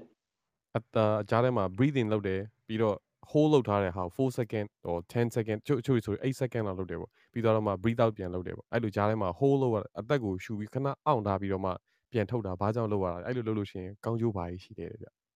တ်ဆိုဥမာအာအဓိကကျွန်တော်ခဏပြောရဲပေါ့နော်ကျွန်တော်တို့ခန္ဓာကိုယ်မှာ sympathetic nervous system နဲ့ parasympathetic nervous system လို့ခေါ်တယ်ဆိုတော့ဒီ sympathetic nervous system က automatic nervous system ဟုတ်တယ်ဥပမာ example ကျွန်တော်အခုအကူလုံးနဲ့စကားပြောနေတယ်ကျွန်တော်ဥမာဒီကျွန်တော်ရဲ့နှလုံးနဲ့ခုန်နေတယ်ကျွန်တော်ရဲ့အသက်ကလည်းရှူနေတယ်ကျွန်တော်မျက်လုံးတွေလည်းဘယ်လိုပြောမလဲဒီလှုပ်နေတယ်ဗျာဆိုတော့ဒါက autonomic nervous system တခုဟုတ်တယ်ဆိုတော့ဒီ autonomic nervous system တကွာဗာလဲကျွန်တော်ရဲ့ဟိုဒါလောက်ပါဘာလောက်ပါဆိုတော့အာကျွန်တော်ရဲ့ order တခုမလို့သူတို့ automatically function လုပ်နေတာ ဆိုတော့ဒီနေရာမှာ automatically function လုပ်တဲ့အရာတစ်ခုဖြစ်တယ်ဆိုတော့ဒီနေရာမှာကျွန်တော်တို့ရဲ့ breathing ကလည်းကျွန်တော်တို့ meditate မလုပ်ရင် automatically function လုပ်နေတယ်ဆိုတော့ဒီနေရာမှာအခုကျွန်တော်ဒီမှာစကားပြောနေတယ်ကျွန်တော်အသက်လည်းရှူနေတယ်ဒါပေမဲ့ကျွန်တော်အသက်ရှူဖို့အားဆိုင်စရာမလိုနေဘူးဒါပေမဲ့ okay ကျွန်တော်တို့အနေနဲ့အဲ meditation ကျွန်တော်တို့ဒီ pranayama လုပ်တယ်ပေါ့ pranayama okay deep breathe လုပ်တယ် hold လုပ်တယ် hold လုပ်ပြီးတော့ကျွန်တော်တို့အနေနဲ့ပြန်ပြီးတော့ဖြည်းဖြည်းလေးရှူထုတ်တယ်အဲ့ဒါလုပ်တဲ့အချိန်မှာကျွန်တော်တို့ကနောက်တစ်ခု parasympathetic nervous system rest and digest system လို့ခေါ်တယ်ဆိုတော့အဲ့ system ကိုကျွန်တော်တို့က activate လုပ်တာဖြစ်တယ်အဲ့ system ကို activate ဖြစ်ရင်ဘာဖြစ်လဲဆိုကျွန်တော်တို့ပို့ပြီးတော့ relax ဖြစ်တယ်ကျွန်တော်တို့ဥမာအစားတောက်တွေကိုစားထောက်ထားတယ်ဆိုရင်ပို့ပြီးတော့မြင်မြန် digest ဖြစ်တယ်ဆိုပို့ပြီးတော့ relax ဖြစ်ရင်အုံနောက်ထိုင်မှာဒီ stress hormone တွေ cortisol တွေ depression တွေအများကြီးကျသွားတယ်အဲ့ဒါတွေကျသွားပြီဆိုရင်ကျွန်တော်တို့ကဘာဖြစ်လဲပို့ပြီးတော့ clam ဖြစ်တယ်ပို့ပြီးတော့ meditation လုပ်နိုင်တယ်ပြီးနောက်တစ်ခုကျွန်တော်တို့အုံနောက်က stress ကို လုံးဝဒီ extreme sex stress ပေါ့နော်ဆိုတော့လုံးဝ stress တွေကိုကျွန်တော်တို့3စက္ကန့်ထက်ပိုပြီးတော့မခံနိုင်ဘူးအဲ့ဒါထက်ပိုကြော်ပြီဆိုတာနဲ့ तू ကရုံးကန်ပြီဒါငါအတွက်မမှန်အောင်ဆိုပြီးတော့နော်ဘာလဲဆိုကျွန်တော်တို့ meditation ဒီတိုင်းထိုင်လိုက်တယ်ဥပမာကျွန်တော်တို့ဝင်လေထွက်လေဒီတိုင်းထိုင်လိုက်တဲ့ချိန်ခါနာပြီဆိုတော့ခါနာတဲ့အချိန်မှာ problem ကအုံနောက်ကို signal ရောက်ပြီမင်းမှာပြဿနာတစ်ခုဆိုတော့ stress signal ရောက်နေပြီအဲ့ဒါကြောင့်ကျွန်တော်တို့မလုပ်နိုင်ဆိုတော့ကျွန်တော်တို့က ဒီခဏကျွန်တော်ပြောတဲ့ deep breathing ကိုလုပ်လိုက်ရင်ကျွန်တော်တို့က rest and digest state parasympathetic state ကိုရောက်သွားတယ်အဲ့အချိန်မှာပို့ပြီးတော့ clamp ဖြစ်တယ်ပို့ပြီးတော့လူတယောက်ကဘာဖြစ်မလဲဒီ thought တွေနေသွားတယ်ပို့ပြီးတော့နောက်တစ်ခုဘာဖြစ်လဲဆိုရင်သူ့ရဲ့ breathing pattern တွေမှန်သွားတယ်ပြီး shallow breathing ဆိုတာတဲ့ပို့ပြီးတော့ conscious breathing လာတယ်ကျွန်တော်တို့အခုလုပ်နေတဲ့ breathing က unconscious breathing ဟုတ်တယ်နော်ဆိုမတိစိတ်ကနေ auto လုပ်နေတယ်ဒါပေမဲ့ conscious breathing state ကိုရောက်ပြီဆိုရင်ကိုကကိုယ့်ရဲ့ thought တွေ emotion တွေအကုန်လုံးကိုက control လုပ်နိုင်နိုင်မယ်အခု unconscious breathing လုပ်တဲ့လူက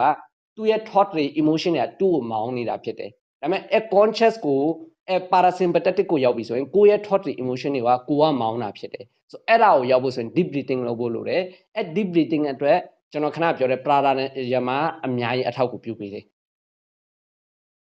Mm, that's a very very very good one ပါဆိုကျွန်တော်ကျွန်တော်ကတော့အဲ့ဒါ box breathing ကိုသိခဲ့တာကြာပြီပေါ့နော်အဓိကတော့ application တွေထဲမှာ so mindfulness ဖြစ်ရှင်တဲ့ stress တွေ release လုပ်ရှင်တယ်ဆိုလို့ရှိရင်ဒီ technique နဲ့လုပ်ပါလို့သိသွားခဲ့တာပါ so အဲ့ပြောရရင်တော့ pattern interruption လုပ်လိုက်တော့ so အရင်ရှူနေကြ pattern တွေအကုန်လုံးဖျက်လိုက်တယ်ဆိုလို့ရှိရင်သူကကိုကိုယ့်အကို control ရှိသွားလို့ရှိရင် awareness ပိုကောင်းလာတယ်လို့မြင်ပါတယ် so အဲ့တော့မိကုန်းနေလည်းအများကြီးဖြည့်ပေးတယ်ဆိုအချိန်တွေလည်းအများကြီးပေးပြီးတော့ဒီနေ့တကူတကလာပြောကြပေးသွားတယ်ကို David တက်ကောင်ကျေးဇူးအများကြီးအများကြီးတင်ပါတယ်ကို David ကိုရှာချင်တယ်ဆိုလို့ရှိရင် Facebook မှာရှိပါလိမ့်မယ် same name နဲ့ same name နဲ့ပါပဲဒီနာမည်နဲ့ရိုက်ပြီးရှာလို့ရှိရင် ကို David ကိုတွေ့ရပါလိမ့်မယ်ကျွန်တော်ကတော့ Facebook မသုံးပါဘူးခင်ဗျာဆိုကျွန်တော်ကိုရှာချင်လို့ရှိရင်ကျွန်တော် Instagram မှာအမြဲရှိပါတယ်တရက်တစ် post နှုံးနဲ့လူတွေကိုအကျိုးရှိတဲ့အရာလေးတွေကျွန်တော်စဉ်းစားထားတဲ့ knowledge အသေးလေးတွေဖြစ်ဖြစ်ဆိုစဉ်းစားမိတဲ့ဟာလေးတွေကို share ပေးတယ် share ပေးတာရှိပါတယ်ဆိုအဲ့တော့ကို David ကိုလည်းဒီ camp ပြီးသွားတဲ့အခါမှာသွားပြီး reach out လုပ်ပါဆို Facebook ပေါ်မှာအများကြီး active ဖြစ်ပါတယ်ကျွန်တော်ကတော့ Instagram မှာပဲ active ဖြစ်တဲ့လူတစ်ယောက်ပါဆိုကျွန်တော်ကိုရှာချင်တော့ Instagram ကိုလာခဲ့ပါကို David ကျေးဇူးအများကြီးအများကြီးတင်ပါတယ်ဗျဆိုအခန်းအစားဆုံးနားထောင်ပြီးတဲ့ညီကိုမောင်နှမတွေကိုမိကိုမေးပြီးတဲ့လူတွေကောဆို လာ join တဲ့လူမှန်တယ်ဗျတင်များအားလုံးတူချင်းတယောက်ချင်းစီကိုကျေးဇူးအများကြီးအများကြီးအများကြီးအများကြီးတင်ပါတယ်ဆိုကို David ဒီနေ့နောက်ဆုံးအနေနဲ့ပြောချင်တဲ့စကားလေးရရှိသေးတာဗျဒီနေ့အခန်းအတွက်ဆိုတော့ကျွန်တော်ခါတိုင်းအရင် event တွေပါလဲကျွန်တော်ပြောတဲ့အရာပဲဆိုတော့ကိုယ့်ကိုတီးအောင်လုပ်ပါပေါ့နော်အော်ဘာလဲဆိုကိုယ့်ကိုမတီးဘူးဆိုရင်အာကျန်တဲ့လူတွေကိုလည်းနားလဲဖို့မလွယ်ဘူးပေါ့ကဘာအောင်နားလဲဖို့မလွယ်ဘူးပတ်ဝန်းကျင်ကိုနားလဲဖို့မလွယ်ဘူးကိုယ့်ကိုနားလဲပြီဆိုရင်အရာရာကိုနားလဲဖို့လွယ်တော့လိမ့်မယ်ဗျဆိုတော့ကိုယ့်ကိုတီးအောင်လုပ်ပါကိုယ့်ကိုတီးဖို့ကဥမာ ဒီ south တွေကိုလည်းအတိုင်းတာဖတ်တစ်ခုတည်းဖတ်ဖို့လိုတယ်ဒါပေမဲ့ကျွန်တော်တို့အနေနဲ့